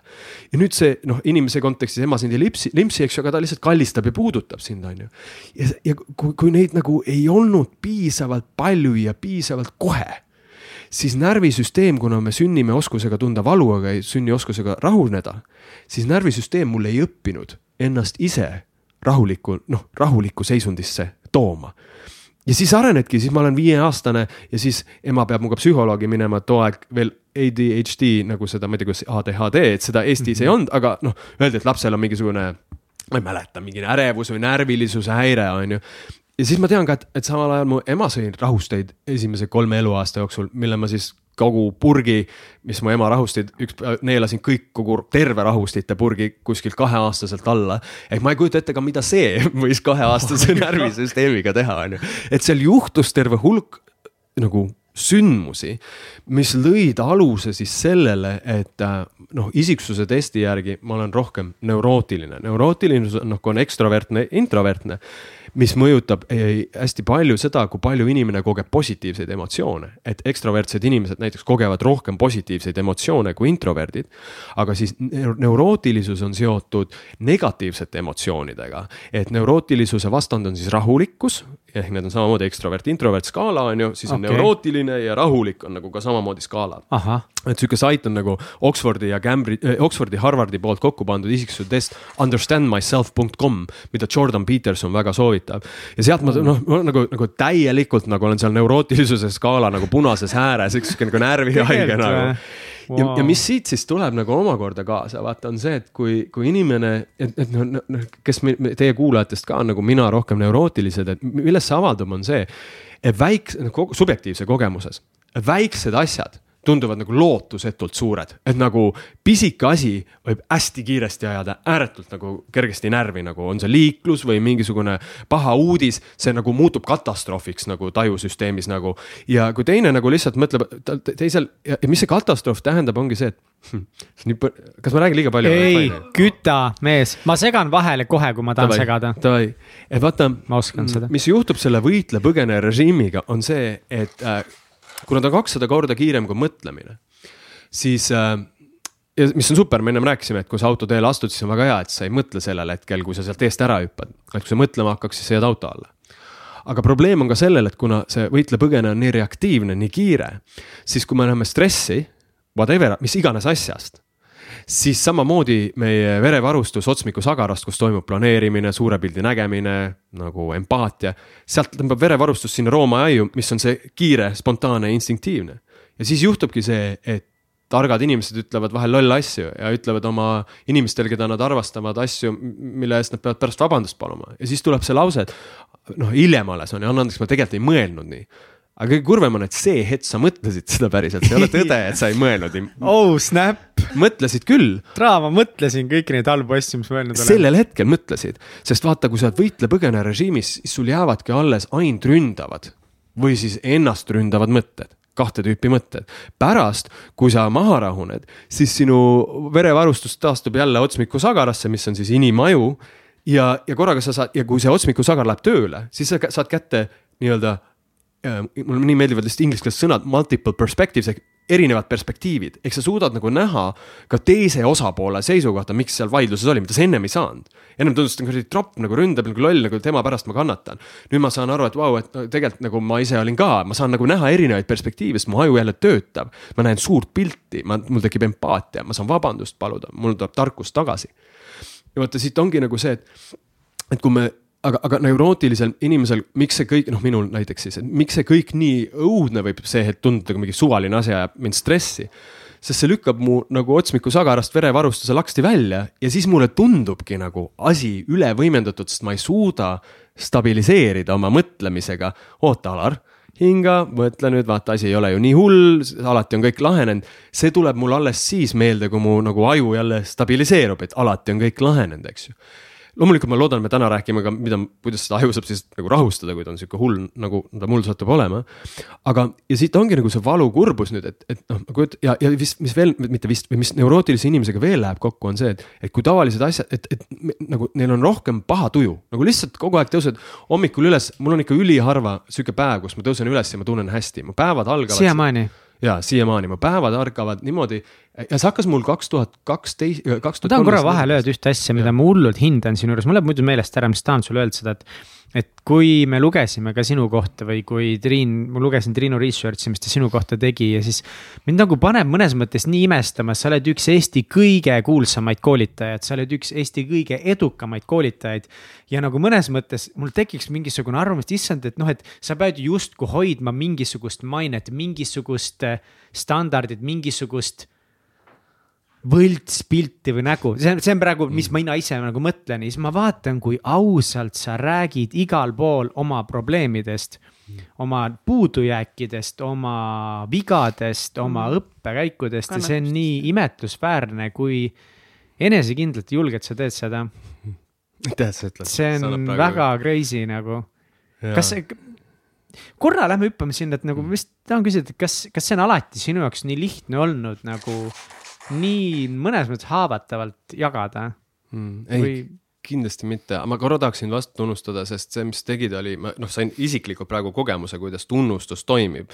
et, et vaata, öeldakse, et hea on tunnustada seda, milles tei-, noh, et me, kus me näeme teise potentsiaali, et teine veelgi rohkem areneks oma potentsiaalile lähemale. et me ei tunnusta lihtsalt nagu asju, et mis inimene ei oska, ah pole hullu, sa oled tubli, et saad hakkama, et ta siis hakkaks seda asja tegema, proovides teda manipuleerida, nagu a la ettevõtetes tihti on, oletame, inimene peab tegema müügitööd, on ju, aga siis täitma ka Excelit. müügitööd teeb hästi, aga Excelit ei täida, siis juht iga kord, kui ta Excelit täidab, tunnustab, tubli, et sa tegid Excelit, e, lootuses, et ta seda tahab siis rohkem teha, on ju, see on manipulatiivne sest ta müügitööd ju nagunii teeb. aga ei, aga, aga nagu hea tunnustus on see, kui me tunnustame inimese juures seda, mida ta juba hästi teeb, sest seal on tema loomulik nagu anne, et ta areneb, tahaks seal veel paremaks saada, on ju, ja praegu, kui ma sult seda tagasisidet saan, loomulikult see tekitab mus enesekindlust, sest mingi osa must ju kogu aeg nagu up nagu taustal, küll aastatega järjest vähem, äkki nagu nüüd lähen üle piiri, äkki nüüd lähen üle piiri selle aususega, äkki nüüd ma nagu kaotan kõikide lugupidamise ja, ja mu hülgavad kliendid mu ja mind kantakse maha ja ma olen nagu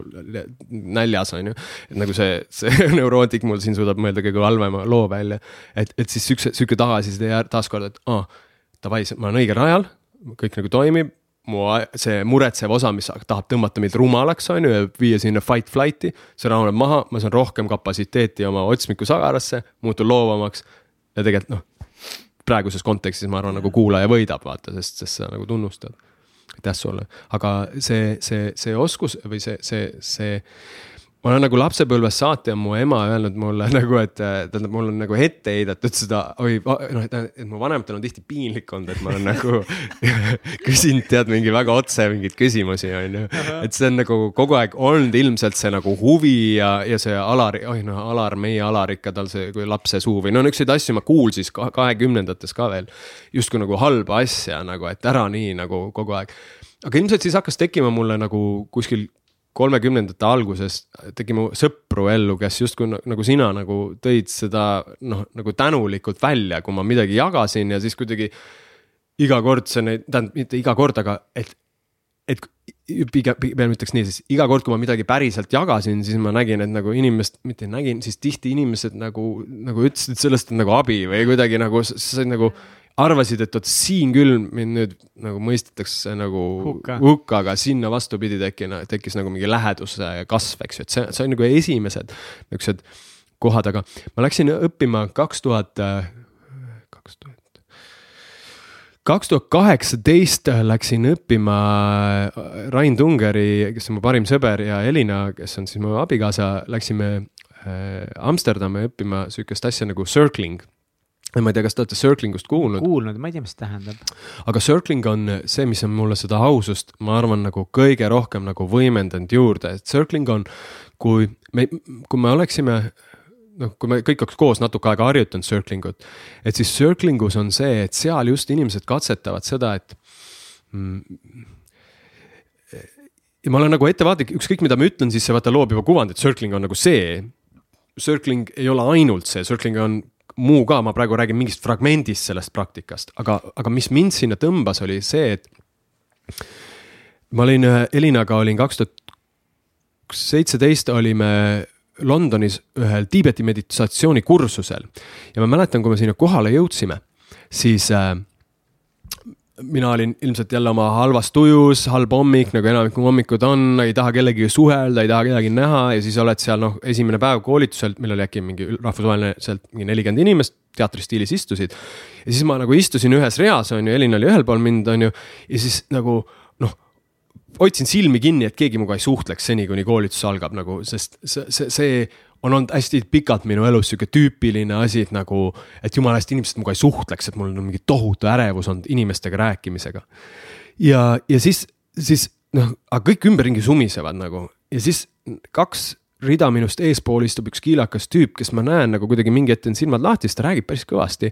ja siis just see hetk, kui ma kõrval olevale inimesele nagu annab käe nagu hi, I m Rob, I m from New York. ja siis nagu see, see mulle tundus nagu, mul tekkis selline hinnang tüübi suhtes, sest mis asja, ma ei ole sinu, ei, ma olen Alar, ma olen Eestist nagu, et see nagu, et kuidagi et see, ma täiega mõistsin ta hukka, et mida sa siin yeah, nagu laiad, et see on mingi New Yorgist, kellel suva nagu, eks ju ja siis samas, kui kaks või kolm päeva läks mööda ja noh, grupiga nagu mingitel hetkedel kõikidega natuke suhtlesid ja nägid seda inimest ja kuidas ta küsimusi küsis koolitaja või seal läbiviijat ja. siis nagu rahuned maha ja tuli see ärevus ka mul nagu taandus ja siis jälle aju hakkas tööle ja siis hakkad inimest nägema teistmoodi, vaata jumal normaalne inimene nagu, et. et taaskord mõistsin kellegi hukka, kusjuures ma olen nagu ikkagi väga palju inimesi nagu oma elus hukka mõistnud äh, ennatlikult neid tundmata äh,, pannes neile sildi, mis iganes põhjusel, noh, need põhjused ilmselt nad on meenutanud kedagi kusagilt minevikust, kes on kuidagi haiget teinud, eks ju, ma arvan, et see on peamine põhjus, miks me kedagi hukka mõistame. või, või et vältida mingisugust või keegi näiteks nagu seesama Roob, ma arvan, miks mina, miks ma aju, ma ei ütle mina, sest seal ei olnud valikut, see juhtus ise see hukkamõist. et miks talle see äh, hinnang peale läks, oli see, et, et ma olen enda suhtes vähemalt nüüd on paremini sellega, aga see hetk ma olin enda suhtes kindlalt hinnanguline, et mina nii ei julge tutvustada. ja siis nagu tema ju otseselt olles see julge, pigistas minu haavale, ma olen see sitakott, kes ei julge. ja, ja ei taha ju tunda ennast sitakotina, kes ei julge, seega oleks jube hea, kui keegi seda osa minus nagu ei puudutaks, kes tunneks, et tal on, ta võiks võib-olla olla kuidagi parem, eks ju. et siis parem nagu hävitaks teised ümbert ära, kes oma sõnadega või kriitikaga või Hitler läks sellega päris kaugele, on ju. ja nüüd siis, siis kolm päeva või neli päeva peale seda algust me sattusime selle Roobiga äh, ja mingite teiste inimestega kursusel lõunapausile. ja ma sattusin just niimoodi, et mina istusin siin ja Roob istus nagu kohe minu kõrval nagu on ju ja inimesed räägivad kõik juttu, aga kuna tüüp on siinsamas on ju, noh siis. siis nagu on veider üldse mitte rääkida, on ju, aga nagu ja, ja, ja minu noh, kuna ma ka sellel isiksuse testi järgi olen introvert, et äh, mis jälle inimesed ei usu nagu, kuidas sa introvert oled, kui sa koolitad ja nii edasi, et. et see on ka hästi huvitav nagu minu jaoks avastada, et, et ma ise ka pikalt arvasin, et äkki ma ikkagi olen ekstrovert, aga, aga mis näitab, et, et see suurendusega on introvert ja jällegi see on skaala on ju, see ei ole üks või teine, sa oled seal vahepeal, enamik on, oleme kuskil et, et selle understandmyself.com testi järgi oli mind, minu introvertsus kolmkümmend seitse sajast, mis tähendas seda, et ma olen rohkem introvertne kui kolmkümmend seitse inimest ja sajast ja vähem introvertne kui siis noh, see sada miinus kolmkümmend seitse mhm. ehk nagu kuuskümmend, kuuskümmend kolm inimest, eks ju. ehk siis, äh, või ütlesin ma, ma mõtlen, kas ma ütlesin valesti ühesõnaga, see number oli sama, emmale-kummale poole, ühesõnaga, et, et pigem nagu introverdi poolde kaldu mm. -hmm.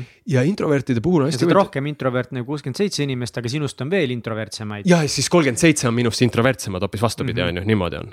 oleneb, kuidas see skaalas on, ma ei tea. jah, et sada oleks siis, eks jah, ma praegu ei oska, ma, ma praegu matemaatika jookseb siin kokku. aga nüüd on siis ka, et, et huvitav, et ongi, et kas sada oli see, et sa oled full introvertne või null on see, et sa oled full introvertne kuidas seal skaalas võis olla? jah, ma vot seda ei mäleta praegu, kas see oli, aga ühesõnaga see, see ei olegi vist praegu tähtis. aga kihvt oli see, et, et et oli teada saada, et introvertne inimene ei tähenda see, et sa ei taha suhelda, lihtsalt introvertse inimese jaoks on small talk keeruline. ehk see on nagu pingutus, et sul ei tule lihtsalt nagu mingist, et sa saad küll, aga see ei anna sulle endale väga midagi vastu, sul meeldib rääkida, aga sul meeldib päris teemadel rääkida ja. ja, ja, ja samas ekstroverdile meeldib ka rääkida päris teemadel, aga ekstrovertidele tihti neid nagu peetakse paremateks suhtlejateks, sest nad leiavad ka nagu teiste ekstrovertidega ka ükskõik millest rääkides. nagu ühine keel, peaasi, et räägime, on ju. Mm. aga introverdi jaoks sihuke peaasi, et räägime, on pingutus. ma tooks veel ühe asja tegelikult siin vahele, korra hüppan, et äh, üks huvitav asi, mida ma hiljuti olen kuulnud just, mis äh, mu endise elukaaslasega, mis me rääkisime, et, et miks tema oli introvert, minu ekstravertne, lihtsalt kuidas me laadisime oma akusid. sealt tuli meil selline asi välja, et, et Jenny sai akusid laadida ainult täiesti eemal. kui ta läks korra välja, ta oli super elav, särav on point, räägib kõigiga, aga ta ei suutnud nädal aegagi enam kellegagi rääkida, pidi laadima ja minul on see, et kui ma ei saa olla elav, siis ma järjest väsin, väsin ära. ja kui ma nüüd saan hea peo, hea seltskond, nüüd mul akud laetud. ja meil jällegi see, et, et isegi see alati ei pruugi olla, kuidas sa seltskonnas suhtled, aga võib-olla hoopis, et mis pärast saab või, või mis sind laeb Ja, et see on päris huvitav, tegelikult ongi, et ei saagi nagu, nagu sa ise ütled ka, et ei saagi võtta, et sa oled introvertne selle ühe asja pärast ja nüüd ja. sa oled sada või null on ju, oled ja. või ei ole hästi hea, see oleks teine punkt, mis ma oleks tahtnud, tahtnud tuua välja, hea, et sa seda ise tõid. et oh,, et introvertsina on ülioluline ja ekstroverdina vaadata, kuidas me taastume. et, et, et üks vajab taastumiseks inimesi ja teine vajab taastumiseks üksindust. ja, ja võib-olla mul võib olla küll mingi, mul on okei okay Elinaga taastuda, aga siis me, siis ma tahan, et Elina ei räägiks minuga, mul on fine, et ta on nagu seal kuskil olemas. aga, aga me ei suhtle, et see on nagu hästi oluline mulle, et ma saaksin nagu taastuda. Ja see on, ja see on ka huvitav, et see on üks ainsaid äh, isiksuse, see on, üks on veel, aga see on üks ainsaid isiksuse tasandeid, kus paarisuhe äh,, millest saab ennustada seda, kas paarisuhetes on pigem nagu okei okay olla või mitte. ongi ka, kui nad on vastandid oma suhtes, kui üks on täiesti nagu seal ekstrovertsuse ääres ja teine on introvertsuse ääres, siis see suhtes toob hästi palju õnnetust ju sellepärast, et kui ekstrovertne inimene tunneks pigem nagu taastub läbi selle, et saame sõpradega kokku, kutsume inimesi külla ja teine väsib sellest. ja siis noh, et, et sealt tekib nagu sihuke nagu hõõrdumine yeah,. Yeah. Aga. oota, aga sul oli see tüüp vastas ja, siis? tüüp on vastas, on ju, ja, ja siis ma tunnen, et okei okay,, et noh midagi peaks nagu ütlema nagu ja siis nagu, kuna introvertne inimene ei oska small talk'i on ju, siis ma nagu lihtsalt ütlesin nagu talle, et kuule, tead, nii naljakas, et ma lihtsalt ütlen sulle, et, et, et mul on nagu kahju, et me oleme nüüd kolm päeva koos olnud, aga alg-, algselt ma arvasin sinust, noh, ja siis rääkisin kogu selle loo, mis ma tast arvasin. okei okay.. ja siis ta oli nagu selle peale, mina arvasin, et tuleb mingi nagu noh, mingi teema, on ju, siis ta oli nagu reaalselt nagu tead nagu vaimustus sellest, mida ma ütlesin. Ja ütles, et nagu kuna teadis, noh Helina oli ka seal minuga, teadis, et me oleme baaris, küsis you guys have done circling või nagu, et noh, nagu justkui oleks, me ütlesime, hei, wow, you should, you guys would love circling on ju, ja me ütlesime, vau, mis see on ja siis ta rääkis, it's exactly what you did nagu, et. et, et, et sest ma ütlesin, mis, mis ta sel ajal mõtles, oli see, et ma ei öelnud talle, et sa ei meeldinud mulle. vaid ma ütlesin talle, et sa ei meeldinud mulle, aga ma saan aru, et see oli minu enda nagu sinu peale pandud hinnang, sest mul on endal suhtlemisega probleeme, ehk. ma võtsin vastutuse sellele, ei öelnud, sa oled nõme, vaid et ma arvan, et sa oled nõme sest mul on endal hirm. ja siis ta ütleski, et, et, et siis mind nagu kõnetas see, et ta ütles, et circling on praktika, kus me saame rääkida kõigest, mis meil omavahel on niimoodi, et me päriselt räägime sellest, et me ei kuluta tunde ja nädalaid üksteise vihkamisele või üksteise vältimisele või üksteisest teistele, teistega rääki-, teistele üksteisest rääkimisele. vaid me saame rääkida päriselt ja jõuda endale päriselt nagu lähedale, sest me toome, paneme kõik kaardid nii palju kui julgeme, paneme kõik kaardid lauale. ja kuna mul oli olnud, mul on koolituskarjääri jooksul olnud kümne aasta jooksul kolm koolitust, mis on minu jaoks ebaõnnestunud. ja üks neist oli ühe tarkvaraettevõttega, kus äh, meil oli kaks gruppi, esimese grupiga läks kõik ülihästi ja teises grupis juhtus midagi, see oli kaks tuhat neliteist aastal, midagi juhtus niimoodi, et ma tundsin, et äh, ma hakkasin hullult väsima ja inimesed läksid järjest rohkem plokki. ja ükskõik, mida ma rääkisin, siis need kohad, kus ma tean, et nüüd inimesed naeravad, nüüd, nüüd, nüüd nagu toimub midagi, peaks toimuma midagi. mitte ükski asi ei toimunud ja siis ma märkasin, kuidas ma järjest rohkem proovisin entertain ida ja siis läksid inimesed veel rohkem lukku. ja siis see oli minu jaoks nagu katastroof, sest ma ei saanud aru, mis juhtus ja pärast ka tagasiside hinded, kui sellel, ma tean, sellele samale koolitusele on kümne palli skaalas, noh, keskmine on üheksa koma viis, siis noh, selles grupis olid, pooltel oli nagu endiselt hea, aga poolel grupil oli nagu tagasisidet üks-kaks, noh, täiesti nagu, no kõige halvem koolitus üldse. Ja, ja, ja, ja see jäi minuga ja aastateks kuni selle hetkeni siis, kuni ma siin circling usse läksin, sest ma, ma, ma ju sain aru koolitusel, et midagi on valesti aga ma ei osanud seda sisse tuua, ma ei julgenud öelda, et, et ma ei teadnud, mida ma pean ütlema, et midagi on valesti, selle asemel ma arvasin, et mina ilmselt teen midagi valesti. ehk ma võtsin kohe automaatselt enese peale süü, eks ju, ma ei tea tänaseni, mis seal juhtus. aga see oli see, kui Roop seda ütles mulle, et on sihuke praktika, kus on võimalik rääkida kõigest ausalt, kuidas sa tunned, ilma et sind nagu täielikult nagu maha tallatakse jälle peale, siis see tekitas tohutu huvi ja circling on siis koht, kus äh, piltlikult öeldes äh,. sa võid ka rääkida nagu suvalistest asjadest, ma ei tea, sõin täna rosinaid, on ju. aga suure tõenäosusega, kuna kõikide ainus nagu peamine nagu roll on nagu keskenduda sellele, et mis päriselt nagu hetkes elav on nagu enda sees, mis on live siis kui keegi räägib rosinatest ja see tegelikult nagu tuleb nagu mõistuse jutt, sest inimene on nagu ebakindel võib-olla, et no ei tea, tahab niisama plärada. siis tihti ta ei saa teistelt üldse tähelepanu, inimesed ignoreerivad seda. või siis ütlevad, et tekib huvi, kuule, aga miks sa nendest rosinatest üldse räägid, kas see on päriselt su jaoks nagu ehe teema või mis värk on, kas, sul mingi ärevus või nii edasi. ehk inimesed tunnevad huvi inimese vastu selle jutu ja kehastuse taga ja seal ongi, et paljud inimesed nagu tulevad ja nad saavad avastada nagu seda, et nad on kellegagi koos ja ongi seesama nagu ütleme, mina nagu nillin kedagi, eks ju, seal jõusaalis, kui ma oleks selle tüdrukuga nagu seal circling us on ju, siis ma saaks nagu, kui see tunduks mulle autentne, siis ma saaks öelda talle, et tead hullult raske on sind mitte vaadata. ma nagu tunnen, ma olen täiesti nagu, nagu sõltuvuses, ma pean kogu aeg sinu suunas vaatama ja mul tekib hirm, et sa mõtled, et ma olen mingi pervert, kui ma seda teen. ja kuna ma seda jõusaalis ma temaga seda vestlust ei pea, siis ma ei saa elus teada, mida tema tegelikult kogeb.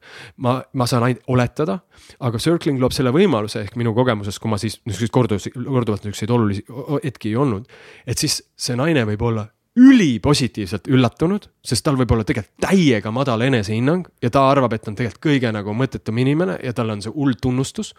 või siis ta ütleb nagu whatever selle peale ja, või, või mis iganes, aga me saame rääkida kohe ära, et see pinge läheb ära, et, et, et mida, mida me taustal tunneme nagu mõlematel on mingi pinge, kõigil on mingi pinge tihti, tähendab liialdada kõigil, aga ikkagi, kui ma näen, et inimesed sinna ringi kokku tulevad, kõigil on mingi inimesed on siin.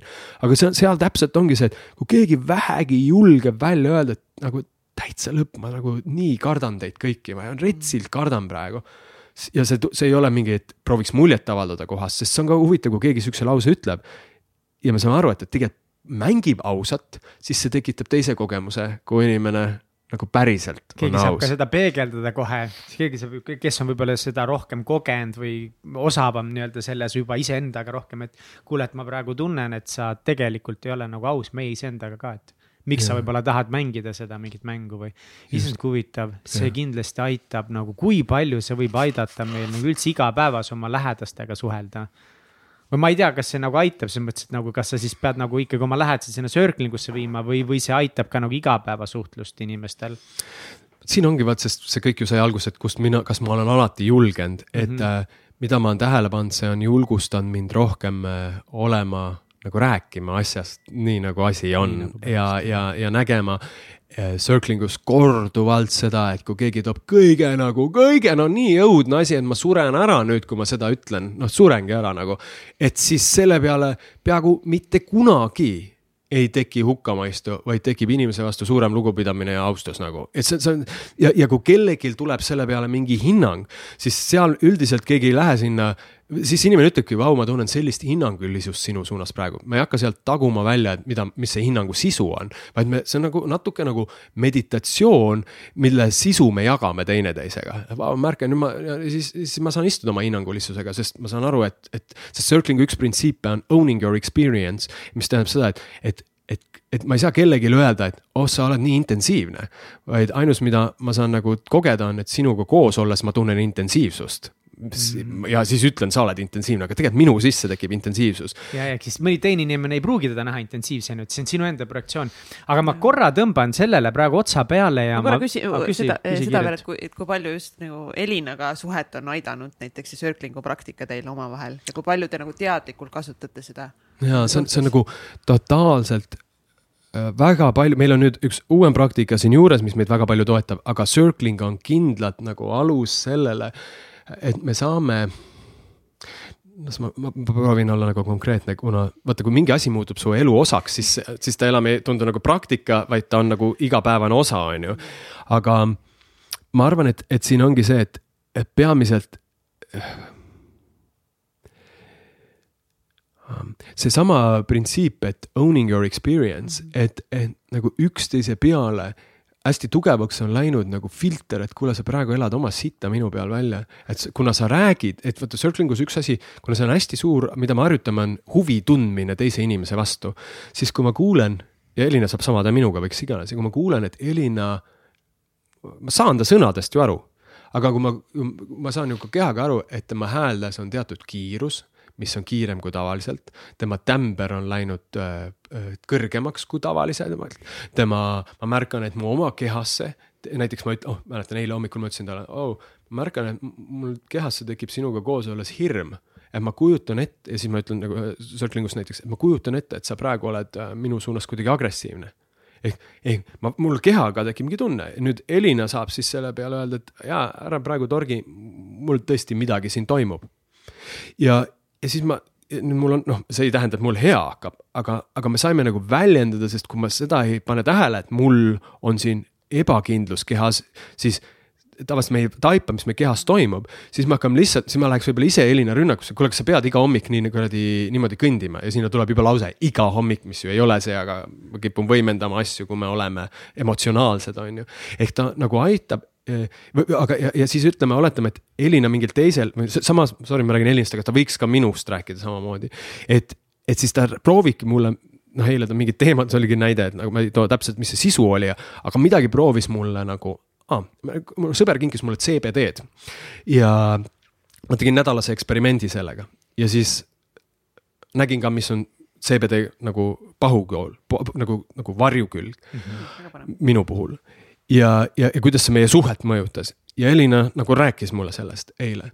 Ja ma märkasin, et, et mõnikord ma saan Elinat kuulata ja, ja ta annab mulle tagasisidet ja see on hästi õpetlik. ma nagu, mul on, ma olen tänulik tagasiside eest, mul on nagu vau, aitäh, see oli nagu ülikasulik, ma pole niimoodi mõelnudki.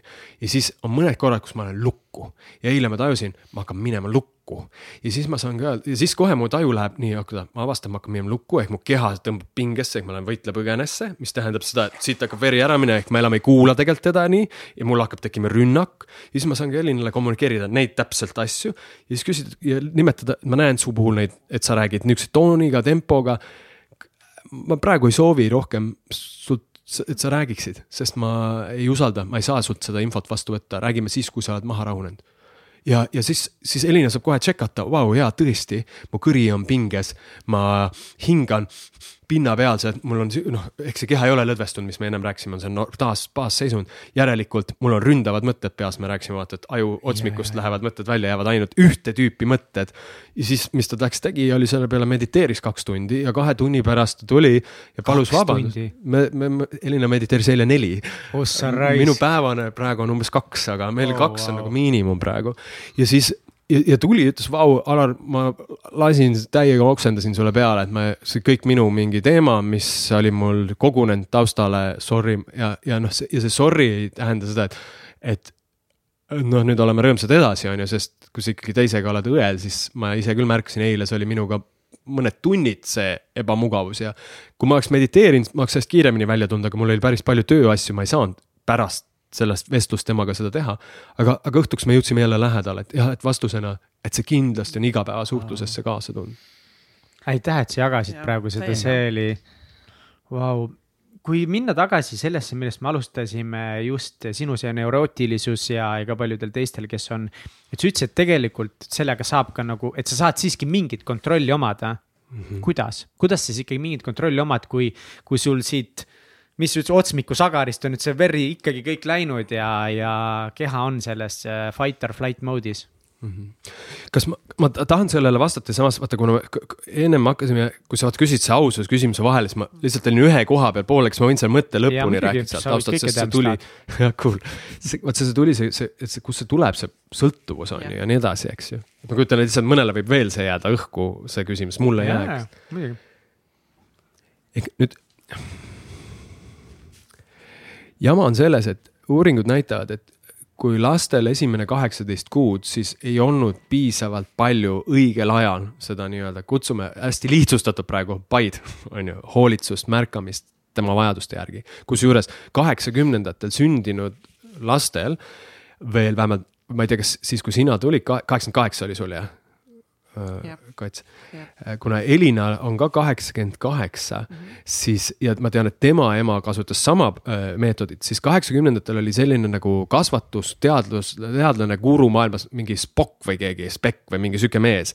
ja tema raamat, mis oli siis Eestis nagu nihuke, mis anti emadele nagu, nagu laps sündis aga kusjuures toome veel ühe vahepausi, kui mina kaheksakümmend kolm sündisin, siis mind ei pandud emale kõhu peale, vaid mässiti kohe teki sisse ja viidi mingisugune, ma ei tea, ma ei tea, mitmeks tunniks kuskile ma ei tea, kuhu need lapsed viidi ära sealt ema juurest, mis on väga paljudel lastel see aeg, mis tähendab, et see esimene hetk, kus nagu ma, ma, ma kujutan ette, see on, see võib olla noh, meie sügaval esimene trauma ongi nagu see, et sa siia maailma sünnid, kuidas su kõik ju temperatuur ja kõik no see on täiesti vastand üheksale kuuga radikaalne ja kui sellele ei järgne kohe see oksütotsiini puudutus, siis juba ju sa oled võitle-põgenes ja su kõige esimesed minutid wow., tunnid siin maailmas on põrgus veedetud, mida me lihtsalt ei mäleta ja siis me mõtleme, et persse, kus Holy meist shit. kõigis on see mingi kõige-kõige sügavamal olev kõhus kuradi ärevus ja hirm, mis, mis me, millega me igapäevaselt ilmselt kokku ei puutu, aga mingitel hetkedel ma arvan, kõik inimesed kogevad enda sees mingit kas on mingites teatud õudusunenägudes või kusagil on mingi nagu totaalne hävingu kuradi õuduse tunne, on ju.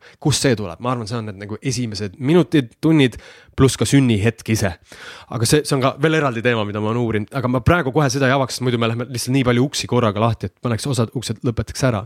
pluss nüüd äh, Spo-, Spek või Spock, kes iganes ta oli, tema õpetus oli see, kui laps nutab ehk on fight and flight'is, mis ta ainus viis ju märku anda, et ma vajan abi, ma ei oska ise rahuneda. siis Becky või Spocki õpetus oli ära jumala eest last nagu see hetk puuduta, sülle võta ega lohuta, seepärast muidu sa hellitad lapse ära, on ju, et sa sihuke spartaliku kasvatuse ei tee. ja tema tõestus oli see, et kui laps nagu nutab ja lihtsalt laseb niimoodi järjest, siis äh,, siis ta jääb lõpuks vait ja et nagu vaata, kui tore ta õpib nagu see, see, mis ta sa õpetad talle sihukest sõltuvust. aga laps ei jää vait, tänased neuro nagu, neurobioloogilised aju-uuringud näitavad, et siis, mis lapsega juhtub, ta nutab ennast šokki. ehk meil on siis nii-öelda fight, flight ja siis on üks sõna veel ja see on freeze. ja freeze on see, et vaata, kui mingi, ilmselt me oleme kõik mingeid loomafilme näinud, kus lõvi püüab mingisuguse looma kinni, siis ta seni jooksis täiega, ehk ta oli selles lihased verd täis ja siis ta kukub kohe, kohe hetkega lödiks nagu, kuigi ta ei ole surnud veel, aga mingit vastuvõitlemist ei ole. eks see on see freeze tardumise funktsioon või kui linnuke lendab vastu akent ja surma ei saa, siis ta ka, kõik on ilmselt näinud, lind istub akna kõrval nagu sa võid teda kätte võtta, mis iganes, ta nagu ei lenda minema, ehk ta, ta ei, ta tegelikult süda lööb, ta kõik töötab, aga ta lihased on nagu tardunud ära, ta ei saa liigutada, ehk ta on freeze'is ja kui see hetk seda lindu siis nagu kat-, kätte võtta ja nii edasi temaga mängida, siis ta suure tõenäosusega saab infarkti, sellepärast et see keha on endiselt selles adrenaliinis ja süda taob täiega sees, aga võimalust midagi ette võtta ei ole ja siis süda töötab üle ja lind võib ära surra. ja nüüd, kui siis kümned tuhanded või ütleme, sajad tuhanded eestlased nagu kõik ka, kes meie generatsioonis siin, Y on ju, ja, ja meist nagu veits varem, seitsmekümnendad on nagu saanud nagu sellel kõige kriitilisemal eluetapil sellise kogemuse, et, et nende kõige sügavamale ahastusele ei järgne mitte midagi, välja arvatud šokk, mis siis ja mida siis nagu kõige baastasandil närvisüsteem ja aju õpib. et kui on nagu persses, siis kuradi ongi persses ja mitte midagi ei ole võimalik teha ja paremaks muuta. ja siit tulebki see, et me näeme nagu enda sõpru ja iseennast aeg-ajalt, ma vähemalt näen ennast, ma ei tea, kuidas teiega ja me näeme nagu inimesi, kes on andekad inimesed, me teame, nad on andekad. aga nad fuck on mingites sõltuvustes kinni, nad ei suuda oma lähisuhteid normaalselt toimima saada, neil on mingi tervisega mingisugused kolmekümneselt juba mingi ei suuda, noh, mingi kaalu mis iganes probleemid kuskil, eks ju, mingid põiepõletikud asjad. või siis nagu me näeme, et nad lihtsalt ei realiseeri oma potentsiaali, nad käivad tööl, nad saavad, aga nad meie vestlustes me teame, et nad tahavad enamat, aga mingil põhjusel ei saa. ja, ja nad ise ei saa aru, mis viga on, siis lähed Mindvalley kursustele, paned mingisugused äh, biohack'id ennast mingite tablettidega, on ju, ja siis kuulad jälle motiveerivat mingit podcast'i ja siis saad vahepeal. see kõik muudab meie biokeemilist seisundit, saad selle nagu hiti laksu üles, on ju, tõmbad võib-olla mingit kokaiini või teed kanepit või teed. noh, proovid ennast kuidagi nagu mõjutada ja aeg-ajalt tõmbad MDMA-d, tunnedki, et päris äge on nagu nüüd, nüüd ma raisk hakkan nüüd nagu ja siis hakkadki võib-olla ja siis jälle avastad ennast kuu või kahe või kolme või samas kohas, kus sa tegelikult ja siis alustad uuesti järgmine aasta ja uuesti, et me kogu aeg alustame ja alustame, ma ei räägi kõigist, aga nii suur hulk inimesi on kusagil nagu inglise keeles on ilus sõna stuck, see on nagu kinni iseendas vangis. ja mis see, mis see kinni olemine, sa oled freeze'is, sa oled endiselt oma beebi imiku heast läbi kogemata õuduses ahastuses, mis on sinu kehasse ja sidekutta talletunud, mida sa ei ole saanud, sul pole olnud ressurssi, teadmist, abi, infot, aega, et nende asjadega töötada. ja mis siis nüüd juhtub, on see, et kuna iga neljas Eesti laps kahe tuhandet, kaks tuhat kümme pluss aastatel on kogenud eh, kodus füüsilist vägivalda iga, iga neljas ja iga oh,, iga kaheksas tüdruk Eestis on äh, olnud seksuaalselt äh, kuidagi ahistatud, mis iganes moel. poistest on see üks kahekümnest, üks kahekümnest, need on tegelikult väga, väga suured numbrid, see tähendab, et nagu igas klassis oli mitu tüdrukut, keda me vaatasime koolis ja mõtlesime, et võib-olla isegi narrisime ja mõtlesime, kutsusime teda kuidagi halvasti ja vaatasime, miks ta sihuke äge ei ole või miks ta sihuke nohik on või miks ta üldse nihuke kuradi weird on. siis küll võib-olla oli räme kuradi pervert isa või vanaisa kodus ja me lihtsalt ei teadnud seda, sest keegi ei rääkinud üheksakümnendatel nendest asjadest. ja nüüd jama ongi selles, et, et ähm, kui ma siis seal Londonis sellel kursusel olin, millest ma ennem rääkisin, siis see Daniel B Brown, kes seda läbi viis äh,, rääkis sellest, et äh, kui Austraalias tuli siis ilmsiks äh, kahe tuhandete aastate alguses üks nihuke mm,, äh, kuidas öelda, inimesed, kes neljakümnendates eluaastates hakkasid üles tunnistama seda, et nad olid lapsena, nad olid nagu kas neil, nad olid, kuidas öelda, sul ei ole vanemaid, siis sa lähed lastekodu, aga need lastekodud olid kiriklikud siis nagu mm -hmm. mingi kristlikud lastekodud mm. -hmm. ja siis hakkas tulema välja sealt ühe konkreetse nii-öelda kiriku lastekogu kohta hästi palju siis mm, kuidas see pederastia nagu mm -hmm. juhtumeid on ju, et neid mhm. lapsi oli siis ära kasutatud, ära kasutatud seksuaalselt. ja siis noh, riigi poolt määrati kõikidele äh, tasuta noh, nii palju teraapiat kui vaja, mingi kaheaastane, ütleme nagu tsükkel siis need lap- ja, ja, ja siis on mingid tulemused on ju, kas inimesed saavad sellest posttraumaatilisest stressisündroomist nagu välja. nüüd nii huvitav oli siis teada saada, et need lapsed, kes siis, kellel see kaheksateist elukuud ennem kui nende vanemad võib-olla õnnetuses surma said või mingi, mis iganes põhjusel nad sattusid sinna.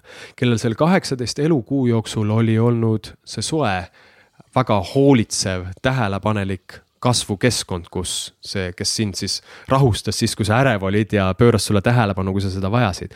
Need, kellel see oli olemas, need allusid oluliselt paremini teraapiale kui need, kellel oli trauma aga seda kaheksateist elu esimese kuu jooksul jäi oksüdotsiini ehk seda ema poolt nii-öelda rotiema limpsimist puudu.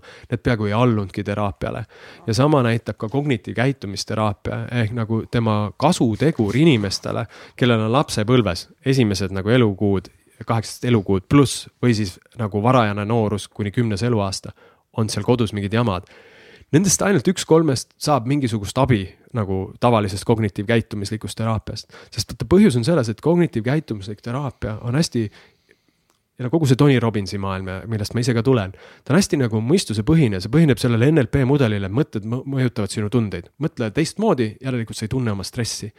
aga vaata, kui sinuga on kehalisel tasandil juhtunud midagi või siis jäänud kehalise tasandil midagi juhtumata, ehk see hool ja hoolitsus, siis asi ei ole mõtlemisega seotud, sa ei mõtle ennast ärevaks. sa oled ärev ja ärevus tekitab sus ärevaid mõtteid. sa ei mõtle ennast hirmu, sul on hirmutunne kuskil taustal ja see tekitab hirmuga seotud mõtteid. see on kehas, ehk me peame nagu lähenema läbi keha.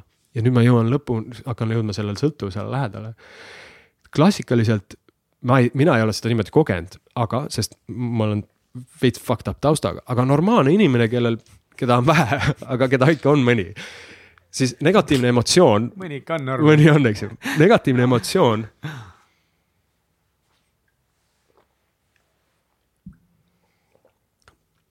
peaks kestma maksimum üheksakümmend sekundit, piltlikult öeldes, keegi laseb sulle liikluses signaali, on ju veits nagu võib-olla ärritab sind, et mida sa nagu tõmbled siin taga, aga siis pooleteist minuti pärast umbes nagu asi on meelest läinud, kõik on nagu hästi jälle, kuulan jälle muusikat, näen aknast lilli. Kui inimesel aga on, on kehas endiselt lahendamata siis mingisugune trauma ja veel kord, ülioluline on teadvustada, nagu mina ka arvasin pikalt, et trauma on mingi sõjaveteranidega seotud asi või see, et isa peksis mind, on ju. mõistmata, et trauma on ka see, kui emal oli sitt olla ja ta ei saanud mulle tähelepanu panna, et mu keha õppis ohu ära ja salvestas, et elu on ohtlik, on ju. Need inimesed, noh, siis neid siis saab kutsuda mingi, pluss kuna neurootilisus on ka viiskümmend protsenti geneetilisusega seotud, vaata ma täna ju ei tea, kuna ma ei ole oma traumat ära ravinud.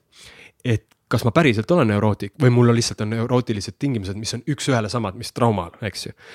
võib-olla ma, kui ma saan asjad korda, siis ma olen jumala rahulik tüüp, eks ju, ma ei tea seda veel. aga mis on oluline teada, et kui inimesel on siis on, vahet pole, kas ta on neurootiline või tal on lahendamatu trauma, siis temal jäävad tihti stressihormoonid, mis fight flight on vaata instant see lükkab selle adrenaliini, kortisoli su vereringesse nagu hetkega. see jääb tihti vereringesse kuni kaheks tunniks. ja nüüd ongi see, et, et, et kaks tundi tagasi said signaali, on ju. noh, ütleme tund on möödas ja sa ei saa aru, et sa, sa, kuna see hetk on meelest läinud, aga sina, mida sa koged, on see, et, et sa oled ärev, sa oled nagu midagi on ikka kuradi viga, viga on ju, siis näpid seda telefoni või vaatad seda Instagrami ilusaid neid beebesi seal või, või siis nagu võtad selle, võib-olla see juhtus, võib-olla oli kodus, eks ju, mingi meil tuli, on ju, mis vastamine võttis liiga palju aega ja see ajas plaani sassi, on ju. ja nüüd on sellest tund-poolteist möödas ja sa ei saa aru ise, noh, et mis mul viga on, nagu noh, enamik ei analüüsi ka, nad lihtsalt nagu käituvad automaatselt selle tunde pealt aga normaalne inimene peaks olema ammu juba nagu chill'is ehk tulnud sinna rahusse tagasi, aga sa oled ikka ärev ja nüüd siis noh, siit tulebki välja, et, et, et nagu mind nii õudselt aitas minu homöopaat, kui ta nagu aitas, kui ma algul selle pornoga tegelema hakkasin nagu sellest nagu välja tulla. siis, siis ma ikkagi seda enese hukkamõistu oli oluliselt rohkem. ja siis ta selgitas mulle, et Alar, kui sa nüüd mõtled selle lapse peale, kes oli kümneselt ja, ja kui kuradi õudses kohas sa psühholoogiliselt elasid oma kodus, siis kui see väike poiss siis leidis, noh, see sõber näitas mulle mingit maajat kunagi. ja kuna see on, see oli nii hullult stimuleeriv, sest seksuaalsus ongi ju väga meeldiv. et kui see võimaldas sul sekundiga vahetada õudusunenägu kõige ilusama unenäo vastu, siis võib ju olla ainult tänulik, et sellel kümneaastasel poisil oli nagu selline ressurss, sest võib-olla muidu sa oleks läinud mentaalsesse, mentaalselt nagu katki või sinust oleks täna saanud mingi päriselt narkar või mingitele inimestele haiget tegev inimene, eks ju, või sa oleks vägivaldne suhtes. et see oli ühel hetkel kõige intelligentsem strateegia, mis üldse nii-öelda jumalikus plaanis su ellu võis tulla, no ma, ma, ma ei räägi ühestki konkreetsest jumalast, eks ju, nagu üleüldiselt suur, sest ma ei ole usklik mm. -hmm. ja, ja, ja siis, kui ma nii hakkasin mõtlema, tõesti nagu, et see aitas seda väikest poissi, nii nagu seda väikest poissi aitas nagu mingi legodega mängimine ja seda väikest poissi aitas koomiksite joonistamine, sest see viis mu teise maailma. aga täna ma olen suures kehas, on ju, ja, ja ka see väike poiss on endiselt veel minu sees, sest ta ei ole veel terveks saanud. ta, mis tähendab, tal tal ei ole midagi viga, aga ta ei ole oma, ta ei ole saanud kõiki oma nutte ja hirme läbi turvalises äh, keskkonnas kogeda, mis on endiselt seal sees. ja siis ongi see, et, et mul enamik ööd, üheksakümmend viis protsenti öödest, ma tõusen keset öid üles ja ma tunnen nagu kabuhirmu, mul on tot-, ma olen üle saanud sellest faasist, mis mul oli kaks tuhat seitse, kuusteist, seitseteist, kaheksateist, kus ma nägin kogu aeg õudusunenägusid. nüüd ma otseselt õudusunenägusid ei näe, aga, aga uned on rahutud. aga ma tõusen üles ja mu keha on nagu noh kuidas öelda, kui sul on tead nagu adrekalaks on peal, siis sa oled veits nihuke nagu värised õrnalt mm, -hmm. et mu keha on siukses värinas. ja siis ma pean tihti tõusma keset ööd üles, et mediteerida, sest ma ei jää magama, sest mul on nii palju hirmu. ja siis ma tõusen hommikul üles ja siis ma ärkan päeva siukse tundega, et ma loogiliselt saan aru, ma elan mingisuguses ilusas metsamajakeses, kõige kaunimas kohas on ju, kõik keskkond on disainitud selliselt, et ma saaks nagu oma hingehaavu ravida. aga ma ärkan siukse tundega, et kohe kohe hakkab midagi kõige halvemat juhtuma, nagu et kohe, kohe juhtub midagi hullu. ja nii on mu hommikud olnud aastaid, noh ja, ja isegi praegu räägin, mul hakkab endast kahju, sest see on hullult nagu, see on nagu inimesed, kellel on mingi trauma, siis noh, nagu minugi puhul, eks ju, et ma olen omas valdkonnas tunnustatud mingi tipptegija, eks ju, ja, ja need inimesed võivad olla mingid muusikud, vahet pole, kus. ja justkui väliselt mingis konkreetses nišis elus nagu suudavadki noh, võtta kokku ja teha nagu asja ära. aga miks nii palju nagu staare, kes on nagu nii kaunist loomingut siia maailma teinud, teevad noh, kasvõi Jokkerit mängiv, kes Heath Ledger, miks need inimesed peavad, noh, me näeme, milline geniaalsus, aga milline valu peab seal teisel pool olema, et sa pead nii tugevate stimulantidega endale nagu tuk-, appi tulema, sest muidu sa võib-olla lihtsalt ei suuda läbi selle päeva ennast nagu vedada. sest su kuradi aju ei hakka tööle, sa ei saa oma prefrontaalsagart käite, su näitleja lo loomingulisus, sinu koolitaja geniaalsus, sinu muusiku, mis iganes nagu kreatiivsus kõik on nagu kinni, sest sa oled oma selles fight and flight'is, eks ju. ja siis ma arvan, see ongi see põhjus, miks, miks, mis iganes sõltuvused meil on. ehk suitsetamine on hästi hea näide, minu sõber jättis äh, suitsetamise maha nagu piltlikult, ta oli aastaid suitsetanud, jättis päevapealt. ja tal on õudselt lihtne öelda, aga ta ei ole mingi targutaja, aga ta lihtsalt noh, osad on et no mis siis on, mina jätsin, jäta ka, big deal on ju, easy on ju, no võta kokku on ju, jäta maha. aga kui me vaatame seda tüüpi on ju tüüp on ülirahulik, ülirahuliku närvisüsteemiga vend, ükskõik kui sa oled koos, ta haldab oma elu ülihästi, ma ma ei näe kunagi teda ärritumas, ma ei näe kunagi teda ja, ja ta ei tundu ka midagi maha surumat, ta lihtsalt ongi rahulik. ehk ta neurootilisuse skaalas on ta nagu hästi rahulikus kohas jube lihtne on jätta suitsetamist maha, kui sul ei ole stressi, siis sa oled ainult biokeemilises sõltuvuses, ma ei ütle jube lihtne, aga teine versioon, et sul on see biokeemiline sõltuvus sellest nikotiinist ja mis seal sees on, pluss see suits on olnud sinu intelligentne, mineviku mõttes intelligentne strateegia, et üldse oma kaks tundi vereringes ringi liikuvate stressihormoonidega toime tulla, et sa suudaksid normaalselt midagi nagu teha, on ju. ja kui sa siis sellelt inimeselt võtad ära suitsu või võtad selle liigse spordi või selle Instagrami või selle mis iganes asja, siis sa võtad sõltuvusallika ära, aga sa võtad ära tagant ta võis vi, vi, nagu võimaluse tulla tagasi optimaalsesse ajutegevusse. ehk sa võtad talt ära ressursi, millega ta on seni ennast läbi elu vedanud. ehk siis ainus viis, kuidas me saame, noh, minu praeguse arusaamise järgi, kuidas ma saan üldse lõpuks sellest päriselt, sellest pornost niimoodi välja tulla, et mul on valik seal või mis iganes see on. mul peab tekkima piisavalt sisemist ressurssi, et mis iganes mu sees toimub, see ütleme miinusmärgiga emotsioonid, mis tekitavad hirmu ja ahastust ja tunnet, nagu elu on täiesti mõttetu. et ma suudan nendega olla ise, ilma et miski väline peaks mind nagu maha rahustama. ja, ja mis ma näen nagu, mis kõik nagu, vaata, sest kaks tuhat, kuni kaks tuhat, ma hakkasin suitsetama kanepit kaks tuhat kümme, üksteist. Sest mul tekkis rohkem vaba aega, mu nagu seni nagu täitsa pekki läinud kõik ärid, mis mul olid too hetk, ehk kuni kaks tuhat kümme oleks ma rääkinud täitsa teise, teise, täitsa pekki saates, mul oli selleks ajaks olnud kaks pankrotti elus, esimene äri läks pankrotti, kui ma olin kakskümmend üks, siis ma kahekümne kuue. kakskümmend üks juba. kakskümmend üks jah, sest seesama arvutimängude saal ehk nagu, nagu kogu aeg juhtus midagi halba, pluss kahekümne viieselt mul tekkis niisugune miljonine kinnisvaralaen, võlg Bulgaarias pekki läinud tehinguga on ju ja pankrot teist korda ja seal olid nagu hästi rasked niisugused nagu välise eluga seotud asjad. aga siis kaks tuhat kümme, see, see on eraldi jutt ja see on üliäge ja seda kunagi saame rääkida. Aga kaks tuhat kümme, kui ma hakkasin nagu koolitama täiskohaga, siis mul tekkis nagu, jäi raha üle, et lihtsalt survive ida ja, ja, ja, ja siis, siis jäi ka rohkem aega minna ja raha ja võimalust, et minna igasugustele vaimsetele kursustele ja kui ma seni nagu õppisin läbi raamatute, siis ma hakkasin käima kursustel ja õpetajate juures ja, ja käisin ka mingi rännakupraktikute mingi asja, maksin, mäletan, kümme tuhat eurot, kui kohe, kui, kui see euroaeg tuli. mõtlesin, et davai, nüüd ma küll olen advanced, aga, aga mäletan peale kümme tuhat eurot midagi nagu paremaks ei läinud nagu ja, ja, ja siis, siis, siis hakkasin, siis tuli see ühel, hakkasin käima ajuaskade tseremooniatel ja proovisin LSD-d ja MDMA-d ja, ja, ja kõiki peyotet ja kõiki asju ja, ja kuna mind hullult huvitas too hetk sihuke nagu. oh, mis asi nagu see spirituaalsus üldse on, et äkki seal on mingi asi.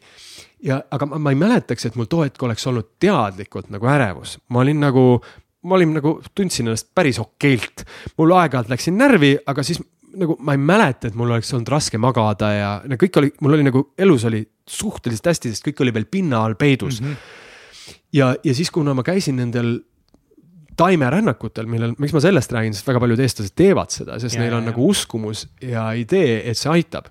sest taimerännaku ajal me tunneme nagu mm, mis iganes aine all, sa võid tunda nagu, et kõik on korra nagu täpselt nii hästi, kui olema peab ja, ja siis sul tekibki tunne, et ja kuna sul on ka raske tavaliselt nendel tseremooniatel, siis tundub ja, ja lõpuks hakkab kergesse, tundub, et sa lahendad enda sees midagi ära ja siis sul on hommikuks nagu parem olla.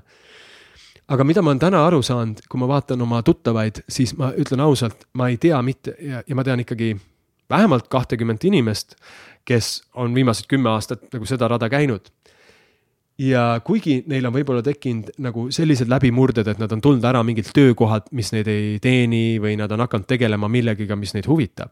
siis puht inimesena, isiksusena ja kindlasti neil on ka tekkinud laiem silmaring ja see, kui sa näed, et elu ei ole ainult see, mida sa seni oled arvanud, mida need kõik psühhedeelikumid teevad. aga need inimesed, kellel ikkagi on taustal on mingisugune jama, mida nad võib-olla ei teadnud, kui nad sinna asja läksid. Need ei ole täna minu jaoks ilmselt paremas kohas, nad on keerulisemas kohas, sest nad on justkui, nad on nagu need rokkstaarid. Ehk nad on nagu kõike teinud, aga mitte miski pole aidanud. Ja siis nad otsivad seda valgust aga miks nad seda valgust otsivad, miks ma pean kogu aeg joogas, joogas ennast venitamas käima, miks mul see keha läheb kangeks? nagu võib-olla see on olulisem küsimus, keha ei peaks minema kangeks tagasi, kui ma vahepeal ei venita ennast. järelikult kehas on mingisugune probleem, mis, mida ma lihtsalt venitamisega endast välja ei saa. ja mida minu jaoks need ained tegid, oligi see, et nad äh, tõmbasid lahti kõik need äh, haavad mis sealt lapsepõlvest olid. ja ma, ja, ja siis, ja see lõi nagu surnud ringi, kuna ma too hetk ei mõistnud, ma ei olnud õppinud traumatöö kohta, ma ei olnud õppinud süvapsüühika kohta. siis kuna mul läks kogu aeg nagu ebamugavamaks, siis see sundis nagu kogu aeg kanepit rohkem suitsetama, sellepärast et kui ma suitsetasin, siis oli nagu justkui parem olla, on ju, tundus õudselt nagu head ideed tulid. aga kohe, miks ma pidin tihti igat päeva, noh välja arvatud, ma ei suitsetanud siis, kui mul koolitused olid. aga tihti, kui koolist läbi oli küll. aga, aga pigem, pigem pidin igat päeva alustama uue suitsuga, sest, sest nagu justkui ma ei näinud, et see oli nagu. et see oli põgenemiseks üks hetk muutus ja mille eest ma siis põgenesin, taustal hakkas tekkima nihuke ärevus ja ärevus. ja, ja, ja täna ma tean, et ärevus ise ei ole probleem. ärevus on märk sellest, et minu psüühikas või psüühes või teadvuses on mingi oluliselt äh, õudsem emotsioon, äh, mida mina mingil põhjusel kas kardan, ehk a la ongi mingi totaalne äh, nagu häving või, või läbikukkumine või, või mõttetus või, või mis iganes nagu taoline sügav või, või siis ka mingi tunne, mida ma olen harjutanud ennast mitte tundma, ehk minu puhul viha kuna mu isa oli hästi vihane, siis ilmselt ma ühel hetkel lapsena otsustasin, ma ei ole kunagi selline, aga ülioluline emotsioon seda tunda.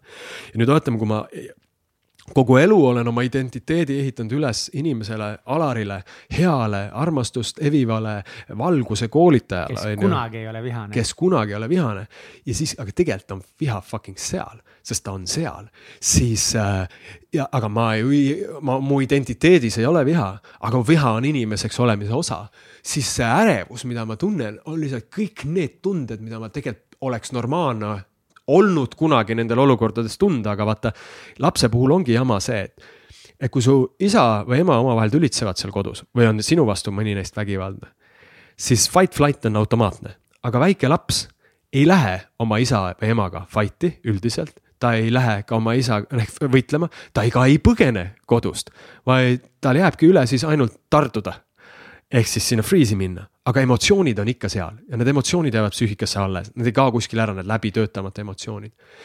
ja kui ma siis kaks tuhat kuusteist hakkasin igapäevaselt, äh, kaks tuhat viisteist jah, hakkasime Elinaga, läksime tegime noh, kaks aastat järjest tegime mindfulness on üks meditatsioonipraktika, selle nii-öelda õpetaja paberid endale, siis me hakkasime iga päev mediteerima. siis vaata, kuna mindfulnessi nagu suur nagu teema on see, et et mindfulness ei ole disainitud, et rahuneda, ta on disainitud õppima ennast paremini mõistma, et mis meie sees toimib, toimub. ja siis, kui sa iga päev istud, noh, esialgu me istusime kakskümmend minutit, kolmkümmend minutit, jälgid lihtsalt pool tundi, mis mu sees siis päriselt praegu toimub, siis kui ennem ma ei, ma ilmselt tundsin mingit ärevust või nagu siis ma panin kohe selle kanepi ette või läksin, hakkasin raamatut lugema või läksin trenni või, või vaatasin pornot on ju, või midagi, mida iganes.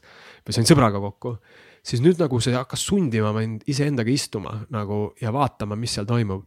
ja siis ma arvan, et siis, siis, siis mõneti läks kõik ühtepidi selgemaks ja läks ka keerulisemaks, sest selgemaks läks see, et ma nägin, et oot, aga mul ongi tegelikult päris sitasti asjad. ja, ja, ja et, et ühtepidi see oli nagu avastus, aga keerulisemaks oli see, et siis ma saingi aru, et asjad ongi sitasti ja siis ei olnud mm. ühtegi, sest kõik, mida ma olin seni õppinud, tänulikkus Äh, oma mõtete ümbersõnastamine positiivseks. Äh, mis iganes praktikad mul olid, mitte lähen loodusesse jalutama, loen Eckart Tollet, noh, mis iganes mul olid too hetk, mingid kuulan Moonshit või mingit äh, Alan Watsi, mitte ükski neist enam ei töötanud, nad nagu tõstsid kümned palli skaalal natu-, ühe palli nagu meid paremasse kohta, aga sitt oli ikka olla nagu pealt kaks on ikka noh, peaaegu sama sitt. jah, peaaegu sama sitt aga mis siis, mis siis nagu aitab, siin on nagu palju mõtteid, üks mõte, mida ma ise nagu lugesin siit läbi natuke, see ongi see, et noh, et esiteks vist ega ei olegi olemas seda mingit ühte pääseteed ja, ja võib-olla see kuradi elu eesmärk nagu või ma ei tea, kas eesmärk on vale sõna, aga et see on nagu selle joogaga, et mõnes mõttes nagu sa peadki ennast iga päev venitama, sellepärast et inimene ongi mõeldud iga päev venima, sest ta on mõeldud iga päev liikuma ja võib-olla meie hing ongi mõeldud iga päev nagu reflekteerima, iga päev katsetama, iga päev liikuma jälle nagu ühe sammu edasi, et tegeleda selle mingisuguse probleemiga, no loomulikult enne sa pead probleemi tuvastama kindlasti, muidu sa ei saa midagi teha, muidu sa oled lihtsalt kuskil pimeduses, aga. aga et noh, seal ei olegi, ei olegi seda ühte ajuhaska trippi, mis ühe ööga selle ära lahendab, et see on lihtsalt see praktikad, mis aitavad sul tuvastada, praktikad, mis aitavad sul leppida, praktikad, mis aitavad sul, ma ei tea, äkki edasi liikuda sellega. aga aju nii, kas sul oli mingi küsimus seal ei, sees? ah,, okei okay., ma lihtsalt siis, kuna küsimust ei olnud, siis ma mõtlengi, et ja lihtsalt puht enda puhul, aga samas mingi osa ju meis nii väga tahaks, et oleks üks asi. täiega, ma tahaks ühe päevaga korda saada.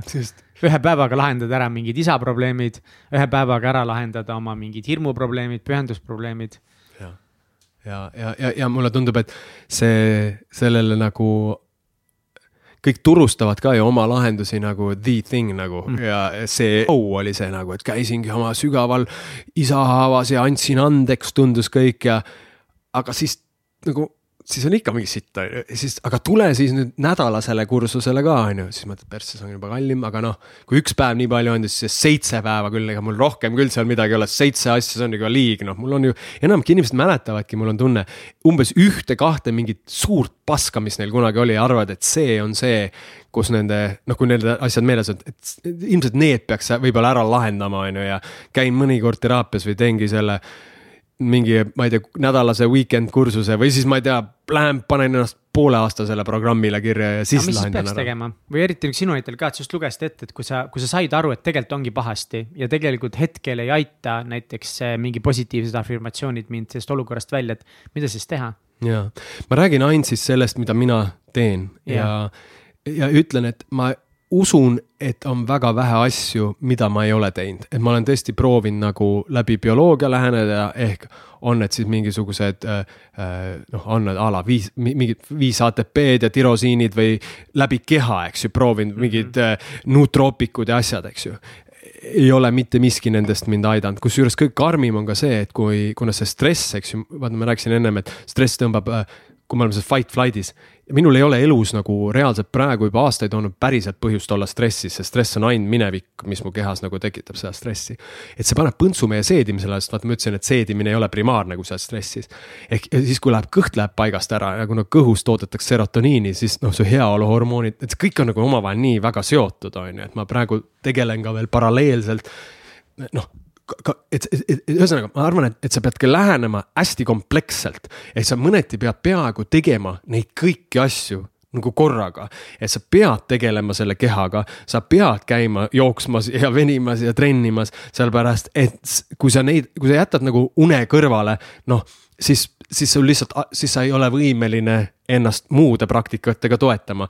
kui sa ei tee trenni, siis sul ilmselt hakkavad juhtuma mingid noh, jada kaupa sümptomid tekkima, siis sa lood endale lisavalu ja probleeme, probleemid lihtsalt juurde, on ju. ehk, ehk need kõik, kõik asjad, mida enamik inimesed teevad, need on suure tõenäosusega kasulikud äh,. lihtsalt nagu üks hetk on vaja hakata, ma arvan, vaatama üle neid asju, mida me teeme, nagu mu, nagu mul on olnud porno või mingi, kellelgi on see siiamaani kanep ja ta nalja ja, ja ma kujutan ette, kes praegu on alles avastanud kanepi või CBD. tema jaoks on nagu see, mida ma räägin, on nagu noh, see võib isegi viha tekitada, sest ma ise ka märkan, et kui sa oled millestki nagu sõltuvuses, sa ei saa aru sellest, sa kaitsed seda ja ründad kõiki neid, kes selle asja vastu on. sest see sind ju aitab ja kui siis kusagil, see on jälle see kuskilt taustal, kui see hirm, kui see ära võetakse, ma olen jälle sama koha peal tagasi, kus ma ei taha olla, on ju. ehk veel kord, kõigil on vaja oma rada läbi käia. ja, ja, ja, ja, ja kellel on vaja käia praegu Tony Robbinsi teed ja see on kõik nagu fine ja kellel on vaja juua seda toorkakaod, on ju, ja, ja läbi selle nagu tunda ennast rõõmsamana ja käia tantsimas ja. Do it nagu, et see on nagu, kui see on nagu see, mis sul on hetkel kättesaadav, nagu tee seda. Äh, nüüd minu nagu praegune äh, meetod on siis selline ja ma olen seda kasutanud ilma õpetajata, ilma nagu teadliku nagu juhenduseta. kuna ma hakkasin kaks tuhat viisteist mediteerima igapäevaselt, et mm -hmm. täna on siis juba kuues aasta igapäevast meditatsiooni oh,. Wow.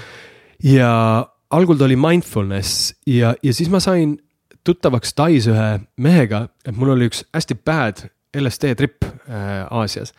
mis oleks, no mis oli üks minu elu neid hetki, kus ma kartsin, et me saame Elinaga surma, et, et äh, me lihtsalt kaotasime nii väga reaalsuse taju ära, et meil oli tunne, et noh, et, et me võime üksteist nagu ära tappa, et see, see oli väga nagu õudne kogemus ja sest seni olid kõik, vot see, seetõttu ma täna kellelegi ei soovita mitte ühtegi nagu psühhedeelikumit, ma ei ütle ka, et jälle tee või ära tee, aga ma kindlasti ei soovita. ja ma arvan, see on hästi vastutustundetu ükskõik kellel soovitada, sellepärast et ma olen oma nahal lihtsalt ära kogenud. et me, me olime veel ennem seda, olime kümme päeva Vipassana meditatsioonilaagris. hommikust õhtuni kümme tundi mediteerisime ja noh, justkui noh see asi oli väga selge, see, et hoia tähelepanu hingamisel, on ju. ja siis, kui me selle nagu noh, ligi viis korda suurema LSD koguse saime sisse mõlemad, mida, mis nagu just võiks olla see alustaja kogus, kust sisse minna. ja, ja siis üks hetk mäletan, ma küsisin Elinalt, et kuule, noh, sest hakkas hirm tekkima, siis sa hakkad aru saama, midagi on kuradi väga imelik praegu. ja siis küsid Elinalt, et kuule, et äh, mida, kuule, vist peaks seda tegema, mis me tegime seal Vipassanas, kas mäletad, mis me tegime? ja siis saad aru, et kumbki ei mäleta, mida me oleme kümme päeva teinud nagu täiesti ajust on ära pühitud ja siis tekkis totaalne hirm, sest sa saad aru, et sul on, sul puudub igasugune oskus praegu ennast üldse toetada, noh, totaalselt nagu kõik oskused on ära võetud.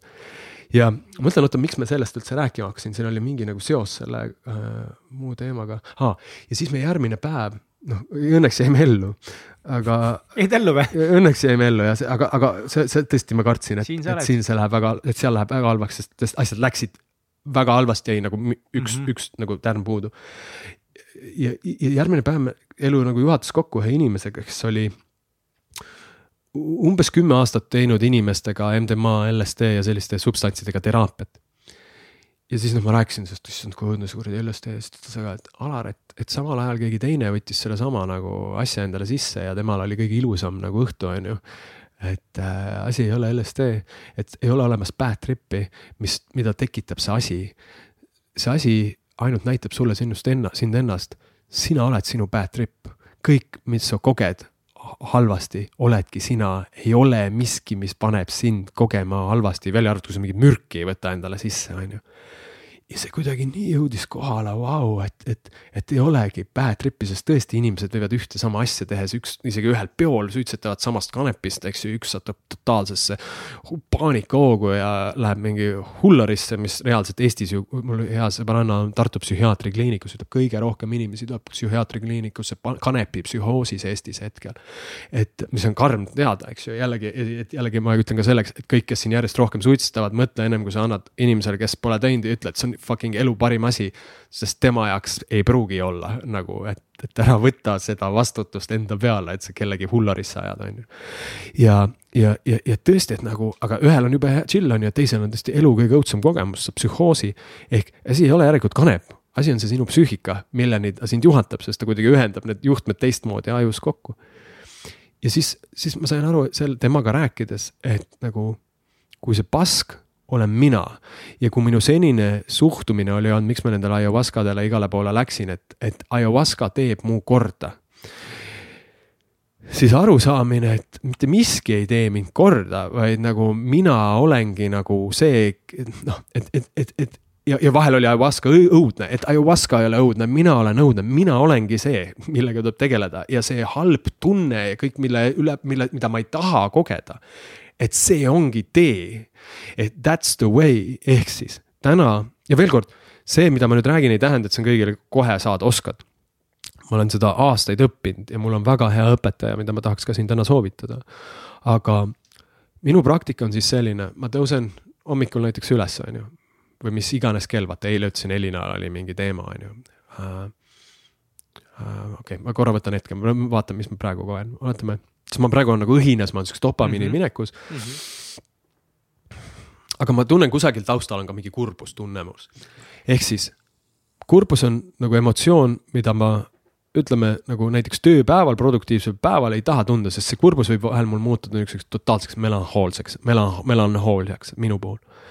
ja siis nagu kogu minu senine elu ma võitlesin selle läbi selle kanepi või nende positiivsete afirmatsioonide.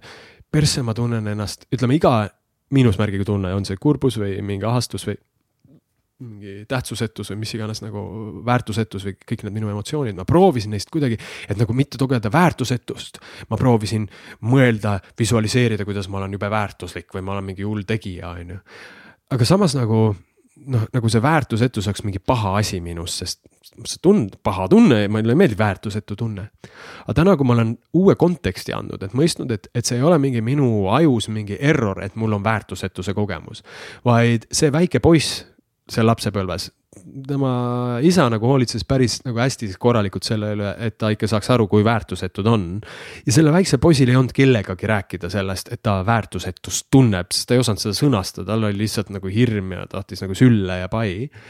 ja ja, ja siis ta lihtsalt nagu õppis, kuna meie psüühika saab blokeerida teatud kogemusi, noh näiteks hea näide, kuidas me blokeerime kogemust, on see, et äh, mulle näiteks ei meeldi, kui mul näpust verd võetakse või mingi vereproovi andmine. aga ma pean seda aeg-ajalt tegema, siis ma lähen ja siis ma see hetk korra nagu ma nagu ei, noh, mina, mul läheb süda pahaks, ma ei vaata seda kõrvalt, ma nagu hetkeks, enamik inimesed, kui isegi kaamerast näha, nad nagu on nagu noh, nad panevad selle käe sinna ja nad nagu korra on ära nagu paned pausile ennast. Ja siis see on tehtud ja siis nad nagu lähevad ma ei tea, kas sa, sa lähed, lähed eluga edasi, aga uh -huh. hetkeks sa nagu paned, davai, davai, ma nagu lülitan ennast nagu välja. ja, ja, sama te, teeb laps, et, et, et, et ta lülitab need rasked, kuna tal ei ole võimekust tulla nende emotsioonidega toime, siis ta lülitab need välja ja loob endale fantaasiamaailma. kusagile, kus tal on siis, mis iganes, meil on erinevad fantaasiamaailmad, hakkab seal elama. ja siis sinna tuleb peale mingi porno või muu asi, mis ainult võimendab seda fantaasiamaailma. ja täna enamik inimesed on hädas sellega, et neil on käib pidev möla peas, mingisugune lakkamatu planeerimine, unistamine, visualiseerimine, muretsemine, jutt, story. ehk see on see lapsepõlves disainitud fantaasiamaailm, mis endiselt on online, aga miks ta online on, sest vaata kõik me kogeme, et aeg-ajalt meil on jumala hea olla, et ei ole mingit, aju ei tooda üle, on jumala chill, no mõnus on olla ilma kanepita või millegita, ilma isegi ilusa ilmata. mõnikord on kuradi lihtsalt nii hea olla mina ja aju on nagu rahulik ka ja see on nagu hea märk sellest, et kui sa järgmine kord seda koged, noh ise või keegi teine. et siis vaata, et kui su, kuidas, kui sa tunned ennast ülihästi avasta, et su mõtted, need sinu tüüpilised hirmumõtted, sinu tüüpilised muremõtted, need ei ole seal välja arvatud siis, kui sa nendele hakkad meelega neid otsima, aga see tundub ebaloomulik neile mõelda, sest need ei ole justkui asjakohased, need oleks korraga ära lahenenud. ehk mis tähendab seda, et, et meie kõigi all, meie baasolemus on nagunii rahulik. ja siis, kui, kui tavaliselt, kui sa siis jälle sinna fantaasiamaailma ära kaod, oma mis iganes mõtlemisvirvarri, siis järelikult, kui sa siis nagu teed vastupidise mineku ehk ei küsi endalt, oi, miks ma nii mõtlen ja mida ma nüüd nende mõtetega teen, vaid küsid endalt, oot davai, aga mida ma kehas tunnen ja kui sa avastad, et su keha on siis mõnes võitle-põgene sümptomis, hingamine on pinnapealne, lihased on pinges, sul on kusagil nagu mingi tropp kuskil kurgus, rinnakus mm -hmm. või kõhus mm. -hmm aanuse ja kubeme piirkond on nagu pingul, no need on erinevad kohad, kus meil pinged on või käsi, käed on nagu rusikas. et need tavaliselt on sümptomid sellest, et sa oled seal võitle-põgenes, pluss keha on õppinud, et kõige kerge, mitte keha, mingi osa sinust on õppinud, davai, sellega toimetulemiseks lähen siis mõtlemise maailma, hakkan nagu lahendama, planeerima, sest seal planeerimises ma vähemalt oman kontrolli. ma vähemalt idee tasandil oman kontrolli oma elu üle, ma mõtlen, kuidas ma mingi podcast'i salvestan ja siis ma teen selle artikli seal ja siis nagu justkui tundub mingi järjepidevus ja mu elul on mingi, mingi struktuur. seetõttu meile meeldib mõelda, sest see loob meile stabiilsuse kogemuse ja seetõttu me läheme mõtlemisse, aga mis oleks, kui noh, mida, mis on siis minu õpetus mulle praegu, kui ma ei otsi, avastaks iga kord, kui ma otsin stabiilsust. siis järelikult ma tunnen ebastabiilsena ennast. ja kui ma nüüd ei teeks ebastabiilsust probleemiks, vaid tuleks uudishimuga ebastabiilsuse juurde ja kogeks teadlikult, kuidas on siis olla ebastabiilne kuidas on, kuidas ma tunnen, kui ma olen mõttetu, kuidas ma tunnen ennast, kui ma olen hullult kurb, väsinud, pahur, vihane, äh, ka hirmul, mis iganes nagu täiesti saamatu, meeleheitel ja, ja, ja minu praktika ongi siis see, et mõista, et, et need kõik negatiivsed kogemused, mida ma siis praegu nimetan, need on need väiksed alarid minus, kes too hetk nii kogesid, tal puudus turvalisus, et seda kogeda, seda tunda, ta läks, põgenes ära.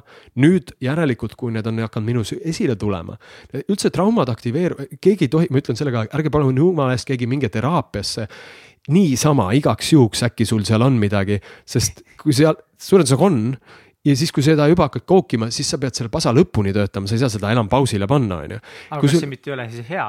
ei ole, sellepärast et, et, et, et sul ei pruugi olla hetkel elus selleks sobiv periood. sul on võib-olla tähelepanu väikestel lastel või millel iganes, on ju, tööalaselt koha pealt. et et, et psüühika viskab sulle pasa siis iseenesest, kui ta tajub, et su elus on piisavalt aega, ressurssi või, või, või turvaline lähisuhe või midagi. kurat, see tundub nii ebareaalne praegu, mis sa ütled.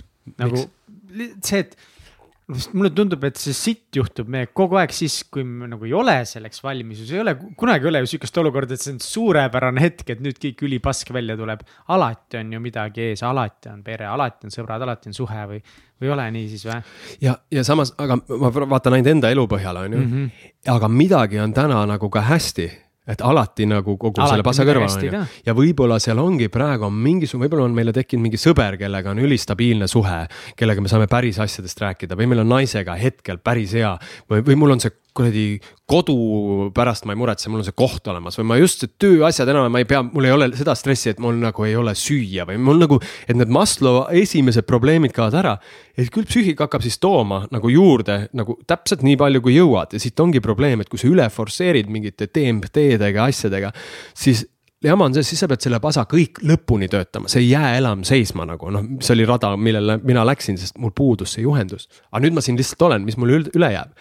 ja siis, mida ma teen, on see ja, ja see on see ei ole meeldiv, see ei ole mingi rõõmus protsess, see ei ole mingi nauding, see on üliharva nauding, aga sest ma olen istungi siis noh, täna umbes poolteist tundi nagu jutti äh, ja, ja hiljem tavaliselt õhtul või päeva jooksul veel tund kuni pool, pool kuni tund. Äh, kuna mul kogu aeg on halb olla enda sees, et siis ma istun selle kogemusega, mis mus on ja lihtsalt vaatan teda ja, ja justkui kaudselt võiks mõelda, et kui see kogemus, see halb tunne on väike Alar, mingi üheksa aastane näiteks siis see, kes temaga vaatab, on, siin ju tegelikult ei ole, siin sina näed suurt meest, on ju. nüüd suur mees on selle väiksega ja on, lubab tal olla, lubab tal kogeda selle lõpuni ära, selle kõik, mis tal on.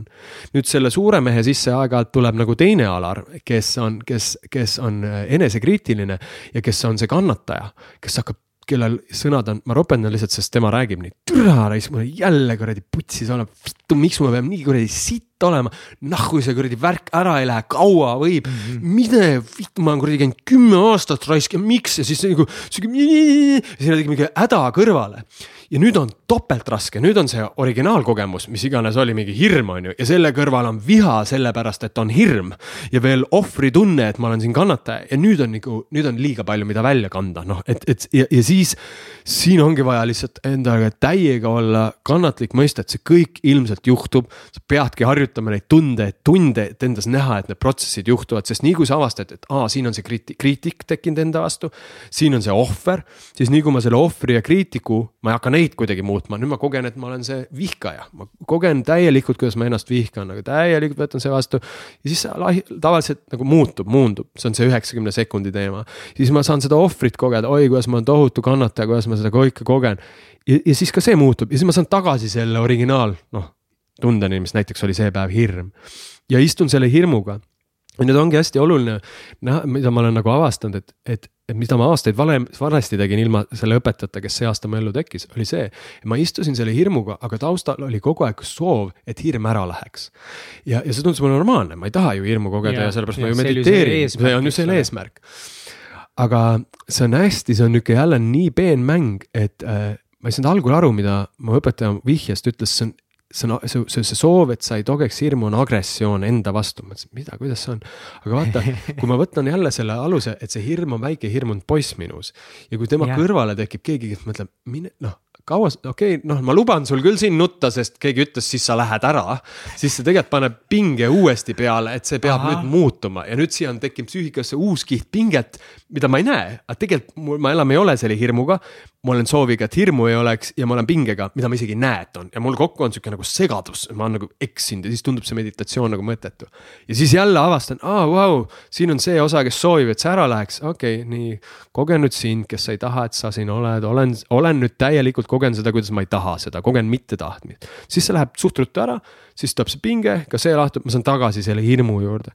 ja niimoodi nagu see on, see on minu peamine praktika, et, et ja, ja see kuidagi nii kõnetab mind, sest ta ei olegi nagu praktika, ta on nagu praktikatest vaba olemise praktika, ta ainus on, ole sellega, mis, mis päriselt siin on. Äh, Netflixis on ülihea film, äh, dokumentaarfilm My, My Friend Octopus, Octopus vist on selle nimi, kõigile soovitan vaadata. ja seal on nagu koht, kus okto-, kuidas oktopus ehk kuidas loodus terveneb traumast. see on nagu üks-ühele nagu, nagu näide sellest, mida ma kirjeldan. ja kellele nagu see veits resoneerub, see, mida ma räägin, siis, siis äh, ressurssidena ma soovitaksin sihukest äppi nagu nagu vaata Wordi programmis, kui sa kirjutad midagi valesti, siis on see undo, eks ju, et kustuta ära, noh, mine tagasi, undo, eks ju. on mm -hmm. Undo meditation äpp, eh, see on nagu, minul on iPhone, eks ju, et seal Undoga tuleb ka mingeid Hiina mingisuguseid mänge sealt. aga võib-olla, kui sa paned Undo meditation, siis ilmselt ta tuleb välja. ja siis hetkel satub olema Eestis. Undo natural meditation. näiteks see on sihuke asi, mis ja ma arvan küll on see jah, kuna natural, vaata, mis tuleb ette. ja täpselt see asi. ja siis vaata siin üleval on sihuke link nagu quiet retreats, et hetkel satub Eestis olema nagu absoluut, ma olen, no veel kord nüüd viis aastat käinud. nagu ma mainisin ennem summasid, maailma tipp nagu mm, terapeutide kursusel. ma võtsin kaks pool aastat Harvardi professori David Browni ja David, tähendab David Ellioti iganädalast teraapiat, mille hind oli sada viiskümmend eurot nagu seanss, on ju. Nad on maailma nagu tipud, kes on minuga tegelenud, aga ikka on nagu raske, eks ju, et mõista, et, et lihtsalt miks ma seda räägin, et, et me, osadel läheb see kiiremini. osadel minu näitel ju ma pean seda kõike nagu kogema, sellepärast et olla lõpuni, kui ma selle töö ära teen, töö ära teen. Et ma suudaks olla empaatiline ka inimestega, kes on nagu mina, kellel nagu võtabki see väga palju aastaid, sest kui palju ma olen olnud ise varem näpuga näitajaid. ei noh, kui mina saan, siis sina saad. Või et noh, positiivsus aitab, kunagi aitaski mind aga siis ma ei saanud aru nendest inimestest, kes mind, kes ei uskunud mind, ma arvasin, nad ei pinguta piisavalt. täna ma saan aru, ma olen nii sitaks palju pingutanud, aga see tee fucking ongi nii kuradi raske. ja, ja Eestis satub olema hetkel, see on nagu mingi, ma ei tea, kuidas see üldse võimalik on, sihuke tüüp nagu Matthew äh, Zoltan, kes on kuuekümne aastane mees. minu jaoks nii inspireeriv, sest mm, ta on üks neid väheseid õpetajaid, keda ma olen näinud, kes on kuuekümneselt, ta on nagu ma võtan mehe aspekte, mida mina pean silmas, tüüp on üliheas vormis, ta on nagu kindlasti nagu paremas nagu lihases ja võhmas kui mina. ta käis selle Ido portaal on mingisugune fitnessi mees maailmas, käis selle tüübi mingil hardcore kursusel ja see nii-öelda Ido portaal oli üllatunud, et ta ei suuda kuuekümne aastast vanameest ära väsitada. tal on selline elujõud ja vitaalsus. Tal on nii suur südameruum, see tähendab hästi suur empaatia, mis tähendab, ta otsmiku sagar peab hullult hästi töötama ja tal on hull elukogemus, ta on nelikümmend aastat oma täiskasvanu elus töötanud inimestega, kes on rämedalt traumeeritud, analoogsed inimesed nagu suur osa eestlasi. aga noh, tõesti ka siuksed inimesed, kellel ongi on mingi aastaid seksuaalset väärkohtlemist ja nii edasi, ehk ta spetsialiteet on see fucked upness nii-öelda ja mm, -hmm. ja ta saab sellest kohe aru. ja kuna ta on sellega ja ta on sellest ajast ka seitse aastat munk olnud, ehk ta on nagu näinud ära selle, ta alustas seal mungateelt. kuidas see on lõks, kuidas sa mungateel võid sattuda esoteerilisse mingisugusesse vaimsuse lõksu ja kahe jalaga sellest reaalsusest eralduda, targutada ja tunduda teistele jube nagu äge. aga tegelikult siin maailmas ei suuda nagu hakkama saada mees on ehitanud mitmemiljonilise äri üles ja praegu ta ongi Eestis tegemas siis seda Undo äppi ja mis on siis meditatsiooni äpp ja tal on kord äh, kuus on online, on äh, äh, poolepäevane äh, Zoom'i vahendusel nagu tema see meditation day on ju. kus saab nagu maitsta nagu, mis see tema, kuidas ta õpetab ja kuidas ta on soovitan seda, ma arvan, see on mingi nelikümmend euro, ma arvan, see on kõikidele kättesaadav, kes sinu saadet kuulab. ja, aga ma kirjutaks quietretreats.co nagu Austraalia, vaata. Mm, -hmm. co, mitte com, vaid co, co. Ja seal on ja tal on oktoobris on äh, ka on äh,, tuleb üks äh, nädalane retriit ehk äh, see, see tema, tema meetod on see ja, ja talt ma saan praegu seda tuge, sest noh ta, ta, ta kusagilt ei õpeta, et, et mõtle positiivselt, nagu ta just pigem on nagu ütleb, et mõtle negatiivselt. et nagu see on rohkem realistlik tihti kui asjade illustreerimine ehk vaata asjadele otsa, mis on päriselt halvasti ja ära ignoreeri neid, ära tee nägu, et nagu mul on kõik hästi, kuid tegelikult ei ole ja siis oled kusagil muu, mingil, mingil, ma mäletan kõige nihuke piinlikumaid hetki mu koolitusel oli selline, et see oli ka kaks tuhat viisteist või niimoodi, rääkisin see, et ma ei teadnud seda, kui oluline on nagu selle pasale otsa vaadata mm, -hmm. siis ma rääkisin, ma olin see põhiõpetaja, pasa ignoreerimise õpetaja. ja siis, äh, siis oli just üks koolitus lõppenud, kus ma kaks päeva rääkisin headusest ja rõõmust ja positiivsusest. ja siis sõitsin nagu, ma mõtlen, kas see klient kuuleb seda, aga aitäh sulle selle õppetunni eest, et, et siis sõitsin Tallinna poole ja siis äh, maanteel äh, jäi mul, mul oli sihuke must praabus Mersu uh. kahe CLS kaks sumbutit, nihuke Batmobiil täielik on ju ja siis sõitsin ja ma arvan, see võis olla nihuke oktoober-november ikka nagu pime kella seitsme-kaheksa ajal õhtul vihma sajab. ja siis mingi auto ees nagu sõidab nagu aeglaselt liiga ja ma ei saa tast nagu mööda. ja siis ma läksin närvi, et ta sõitis nagu mingi üheksakümnega, sest mina tahtsin sajaga sõita. ja siis ma hakkasin talle niimoodi vilgutama närviliselt ja ma arvan, ma lasin paar korda signaali, et nagu sinu pärast ma ei saa nagu, noh, kuna autot tulid vastu ja kuidagi elasin mm -hmm. agressiivsust välja. ja siis sain, sain tast lõpuks mööda ja siis heliseb mul telefon, muss käib ja ma olin siuke täis nagu minekus ja siis võtan toru vastu. ja noh, ja näen, see klient helistab lihtsalt, no on ju. ja siis ütleb, tšau, Alar, et sõitsid must just mööda. ja see hetk, see enda silmakirjalikkuse nagu näkku sulle nägemine, et tema oli just kuulnud kaks päeva, kus ma rääkisin, võta rahulikult, sõida kuradi looduses, chill'i on ju, tema lättis üheksakümnega minu õpetuste järgi nagu koju on ju.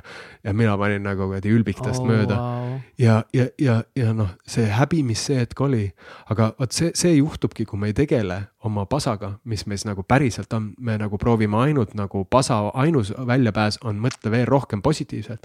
sest see pask on kogu aeg seal ja siis see tuleb välja nii ootamatutes kohtades, kus sa nagu lihtsalt ei suuda ära uskuda, et, et aa, mina ka selline olen või. et me oleme meistrid iseenda petmises, vähemalt mina olen. Oh my god ah Alar, sinul on üldse elus äh, väga palju crazy sid seiklusi, millest me täna ei jõuagi rääkida ja võib-olla ei olegi vaja rääkida. Üldse, et meil siin saates nagu väga meeldib ka tuua välja mingid, kõik need konkreetsed olukorrad, kui mingi firma läks perse, aga ma ei tahtnud sind korratagi peatada, sest see lihtsalt, see oli see oli nii ilus ja see oli nii voolav ja see, sa kogu aeg tõid need loogilised, need otsad kokku ja panid need uksi kinni, mul oli lihtsalt suu lahti, suu on kuivanud, kui palju lahti ta mul oli, ma pidin nii palju vett ära jooma, ma ei rääkinud sittagi, sest mul lihtsalt suu oli lahti kogu aeg. aitäh, et sa kuulasid, sest mulle nii meeldib see rääkida, sa lõid selle ruumi, kus ma sain väljendada ennast. see oli nii, nii ilus ja, ja mulle väga meeldib see, see praktika, mida sa täna teed, aga nagu ongi, noh, ma olen ise ka nii palju erinevaid inimesi rääkinud asjadest, mis neile toiminud on ja ja kuidagi nagu üldiselt läbivalt see teatud vaikuses olemine ja see lihtsalt nagu kuidagi alistumine ja aktsepteerimine sellega, et kes sa nüüd oled ja siis selle jälgimine, noh, sa ise rääkisid seda kõike väga palju paremini, aga ma kuidagi tunnen ka, et, et, et see on see, mis mind on ka mõnikord aidanud just, et uh, sa oled kiire mees, ajad ootavad, nii väga aitäh sulle, aga meil on üldiselt, meil on, meil on alati olnud välkküsimused, me küsinud saate lõpus oma inimestelt ja me nagu natukese muudame neid siin ja sa mõnest juba rääkisid siin nii väga hästi ka, aga ma küsin ülilühidalt nüüd ähm, Alari, Alari, Alari, issand jumal äh,. mis on edu võti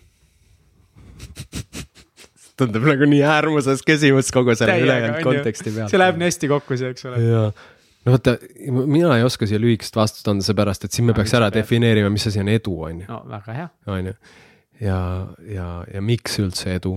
mis on sinu edu võti? Ja millist edu me minu puhul räägime, sest ma leian enda puhul ka konkreetsed näited, kuidas mul ei ole siin üldse mingit edu, on ju. Mhm. ja ma ei tea, ma ei, ma, ma, mulle vaata, sest ma tegelikult tean midagi, onju, aga sa näed, kuidas mul üks teema tahaks siis avada mingi tohutu maailma siin, nii et sa sest pead no, küsima. elu ei ole nagu vaata nii lihtne, aga mõnikord äh,, Alar, on vaja panna asjad äh, väga lühikesse ja selgesse konteksti ja leppida teen... selle tulemusega, mis sealt välja tuleb. ja siis ma tavaliselt tavaliselt teen seda, see on, see on see, minu jaoks on kõige õudsemad asjad on näiteks toost on ju, toost on sihuke spontaanne, kiire, ma mäletan yeah., et ühes pulmas, äh, kuna inimesed arvavad, vaata, et näe, Alari on, räägib, koolitab, mhm, on ju, et mhm. juttu järelikult on mõistmata, et mul on jutt teemadel, mis mind tohutult huvitavad ja mida ma uurin, on ju. ja siis mulle anti see toastimeistri amet, vaata, kes pulmas vaata pandakse ja pärast oli muidugi Puut Pruutpaar ülivihane, sest terve õhtu ei tulnud mult ühtegi toosti, et siis tõmbas mul täiega juhtme kokku, et kui mult niimoodi välk palutaks midagi, mis on niisugune nagu minu jaoks sihuke, oota, see asi on ikkagi jube tiip nagu, et mis see edu, et tahaks siis nagu tõesti sinna sisse minna. et siis ma, sa pead mult küsima. okei okay,, aga teeme küsin nüüd teise küsimuse, täiesti teistsugune küsimus, täiesti teistest asjadest. Äh, mis on kõige pöörasem asi, mis elus teinud oled ja kas sa teeksid seda uuesti? ma mõnest asjast olen, eks ju, siin nagu ikkagi. jaa, sa oled juba rääkinud mõnest ja ma arvan, et need ikkagi need sügavad äh, need, need, need nagu siuksed nagu psühhedeelsed rännakud kusagile väga ekstreemsetes kohtades kuskil väga suurte kogustega ilma igasuguse abi ja juhenduseta, et need on nagu olnud väga hull, see, mis sõna sa kasutasid? pöörased jah, et need ei ole kindlasti olnud nagu, see on sõna, see on pöörane, et pööranud mm -hmm. ära ja, ja neid ma uuesti ei teeks sellisel kujul nagu. Davai, super ähm, on sul juhuslikult nagu, sa oled metsikult palju raamatuid elus lugenud, kas see vastab tõele, et äh, mingi kahekümneseks saadeks sa olid juba lugenud sadu raamatuid mm? -hmm kui palju see oli, sa tead? ma ei mäleta, aga üle saja no,, paarsada kuskilt, siis ma. paarsada juba kahekümnendate mm -hmm. alguses. Aga kas vaatamata sellele, et maailmas on tuhandeid äh, väga häid raamatuid, kas oskaksid välja tuua mõned raamatud võib-olla, mis sind on kõige rohkem mõjutanud või mis on. ja kui sa ei oska niimoodi, ma mm -hmm. tahaksin kõigepealt teada, mis on olnud mingid teosed või raamatud, mis sind väga palju mõjutanud on mm. -hmm. aga kui see on liiga raske sulle, siis sa võid ka minna selle alt, et mis on head raamatud, kust alustada teekonda, kui keegi pole üldse kunagi midagi lugenud mm,? ja ma, ma siis ütlen kõigepealt seda, mis mind on väga mõjutanud, et sest neid raamatuid, mis on nagu, nagu tead nagu radikaalselt mõjutanud niimoodi, et sa tajud, et nagu isiksuse tasandil toimub nagu midagi nagu, nagu uutmoodi. Neid on kolm ja need on nagu jäänud suht ajas nagu muutumatuks mm., et äh, aga äh, ehk, ehk mis mind mõjutas, kõige esimene raamat oligi Tony Robbinsi Sisemine jõud. see oli esimene raamat, mis mind pani. Unleash the power within. Unleash the power within, et sealt hakkas mu tee pihta, seda ma lugesin üheksateistaastaselt, et tänu sellele raamatule ma ilmselt olen seal teel, sest Tony sõnum oli minu jaoks hästi üksel, et me meil puudub user manual iseendale, on ju. me teame igast user manual'i kõikidele muudele asjadele, aga äkki ennast võiks ka nagu tundma õppida. et see mind nii kõnetas, on ju, ja ma noortele, kes ei ole üldse midagi lugenud, ma arvan, nagu Tony Robbins oleks nagu super algus äh,. siis kui, kes on juba nagu lugenud midagi ja kellel nagu natukene nagu tundub, et nagu tahab avaneda mingisugune huvi nagu võib-olla rohkem parema ajupoolkera maailma, et oot, et elu äkki ei ole ainult see nagu vasak ajupoolkera ja numbrid, et siin on midagi nagu veel, aga nagu noh, alles flirdin sellega, et siin on midagi veel. siis äh, nimi on nagu eemaletõukav paljude jaoks, aga sisu ikkagi, kui sa oled valmis, siis äh, Neil Donald Walshi Conversations with God, esimene osa jutuajamist Jumalaga, oli minu jaoks nagu fundamentaalselt väga palju muutev. tahan rõhutada, ma ei ole veel kord usklik ja Walsh ka ei ole usklik, ta, see on nagu mingi Paulo Coelho võiks kirjutada raamatut, see jumal on seal nagu lihtsalt mingi mees, kes hakkaks nagu jumalaga rääkima, eks ju, et see on nagu lihtsalt idee mingist jumalusest. ja, ja, ja see perspektiivid, kui too hetk ma mäletan, mul ka ikka oli ma arvan, see on ikkagi kasulik, sest ma kujutan ette, et, et isegi kuna ma olen ateist ja enamik, aga ma usun nagu selles suhtes, ma ei saagi öelda. ma olen nagu see spiritual but not religious või mingi sihuke -hmm. variant on ju, ja siis ähm, enamikel inimestel ikkagi on lapsepõlvest, mul, mu tädi oli Jehova tunnistaja ja kusagilt lapsena me ikkagi mõtleme korra, huvitav, mis jumal on ja. ja siis ikkagi vaatame kõrvalt, et miks nüüd ikkagi miljonid islamistid on nagu nii veendunud, et on ikka mingi jumal, et mis värk sellega on. siis see raamat aitas mu täiesti uuest perspektiivist vaadata öö, seda, mis võis olla, oletame, et noh, Jeesus kui inimene oli olemas, mis võis olla tema tegelik sõnum, mis hiljem pandi nagu kristliku mingi propagandamasina etteotsa, näiteks kui on kümme käsku Mooseselt, on ju. esimene käsk on, et äh, sul ei tohi olla teisi jumalaid minu palge ees. aga Walsh nagu seal dialoogis nagu igal pool, noh, lihtsalt toon näite, miks see raamat mulle meeldis seal jumal kogu aeg küsib, et nagu, aga, aga, aga miks sa ise ei võiks jumal olla nagu, aga äkki sina oledki jumal nagu.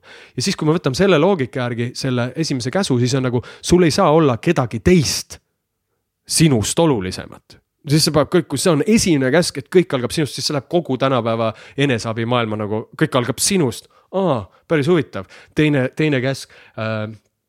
sa ei võta asjata jumala nime suhu, sest jumala nimi on loov. kui sina oled jumal, siis sa ei võta, siis sa ei ütle enda kohta asjata, et kuradi, ma olen saamatu, ma olen rumal, ma ei oska mitte midagi, oi, mis mina kuna sellega sa NLP järgi su mõte loob sinu reaalsust, ehk see määrab seda, kui palju sa teed ja mida sa tegemata jätad, noh vaata, ta lõi selle perspektiivi, et vau, et, et äkki usk, usk oli nagu esimene äh, noh, eneseabi, mis lihtsalt sai valesti ära tõlgendatud, et see oli minu jaoks hästi huvitavalt kirjutatud ja, ja tekitas mingit rõõmu ja lootust too aeg, kui ma seda raamatut lugesin. ja siis nagu a la sulle on ju, kes sa juba nagu huvitud inimene, sa oled lugenud palju, siis äh, ma kuulaks audio vormis, soovitaksin äh, Neil To-, või selle Eckart Tolle raamatut The Power of Now. et see on nagu noh, nii võimas teos ja ma olen seda kuulanud kümne aasta jooksul äkki neli korda, iga kord õpin täiesti uut ja iga kord ma ei saa mingist hästi palju, mitte midagi nagu aru. ja iga kord mul on hea meel, et oo oh,, seekord ma nüüd saan aru. ehk ma vahepeal ise arenenud, et see raamat on sihuke, näed nagu vau wow,, et, et mul on tunne, et kui maailmas üldse oleks üks nagu raamat, mis tegelikult võtab kõik kokku, on see, on see raamat nagu, et äh, mis puudutab enese, enesearengut. ja võib-olla sihukestest äh, äriraamatutest mm,. praegu on nagu, ma kujutan ette, et, et, et võib olla nagu valgustav lugemine on selline raamat nagu äh, An Everyone Culture äh, Robert Kegani poolt, mis siis kirjeldab neid organisatsioone täna, kus organisatsiooni nagu hinge ja struktuuri ja DNA-sse on kirjutatud areng. ja mitte see, et saadame inimesi koolitusele, vaid näiteks see, et oletame, et äh, mina ja sina oleme, no sa oled minu juht, ma olen sinu, sa oled ütleme mingi nagu müügi, no ma, sa oled mingi kõrgem juht, on ju, mitte tippjuht, aga no tippjuhtkonna mm -hmm. liige, ma olen sinu, sulle alluv keskastme juht mm. -hmm. Jah, thanks. ja samas mul on nagu alluv keegi, kas mul on tiim ja me nüüd räägime siin, arutleme minu tiimi nagu tulemuslikkust ja oletame, minu tiimis on keegi Kerli, on ju, kelle tulemuslikkus ei ole hea või mis iganes seal on. siis see vestlus, nii nagu see podcast läheb, kõik vestlused seal ettevõttes salvestatakse, siis see läheb cloud'i ja kõik nimed, kes töötajad on olnud selles vestluses, need lähevad tag idena kõrvale ja kõikidel, kes seal, kellest me siin rääkisime, neile ilmub selle vestluse salvestus telefonile. mis noh, nagu võimalus kuulata, mis, mis on sihuke ultimate nagu täielik läbipaistvus et nagu milles alus on see, et ei ole üksteisest tagarääkimist, vaid on valusad vestlused, mis tuleb ära pidada, sest ainult tänu nendele toimub nagu areng. Ja see on nagu põnev raamat. Wow.. aitäh sulle nende väga hästi valitud ja, ja kuidagi tead nagu tailor-made soovitused täna meile siin. aitäh sulle veel kord su aja eest ja ma nii loodan, et see on ainult algus meie ühisel teekonnal või kokkupuudetel siin universumi teel ja mul oli ääretult meeldiv ja, ja tead, ma tahan ühe, sorry, tahan ühe raamat, nüüd tuli. ja nagu, ütle, ütle, ütle muidugi. sellest meetodist, mida mina siis praegu praktiseerin, eks ju, see on sihuke autor nagu David Hawkins, Hawkins, Hawk on nagu, ma ei tea, see kull või Haw, mm -hmm. Hawkins mm -hmm. ja tal on sihuke raamat nagu Letting Go superraamat nagu see just nagu kuidas tegeleda raskete emotsioonidega, et, et väga soovitan aga jaa, mul on kahju, et Kats nagu tal täna nii oli, aga, aga äge, et ta oli meiega pooleldi ja hästi kuidagi, mul on hea meel, me korra mõtlesime, et me ei tee seda, aga uh -huh. me tegime, nagu tunne oli õige ja kuidagi minu meelest tuli väga hea nagu koos olla. Fuck jaa, aitäh kuulamast, hoidke kõva, tšau. aitäh, et sa teed seda, aitäh, et te teete seda, mis teete, aitäh kuulamast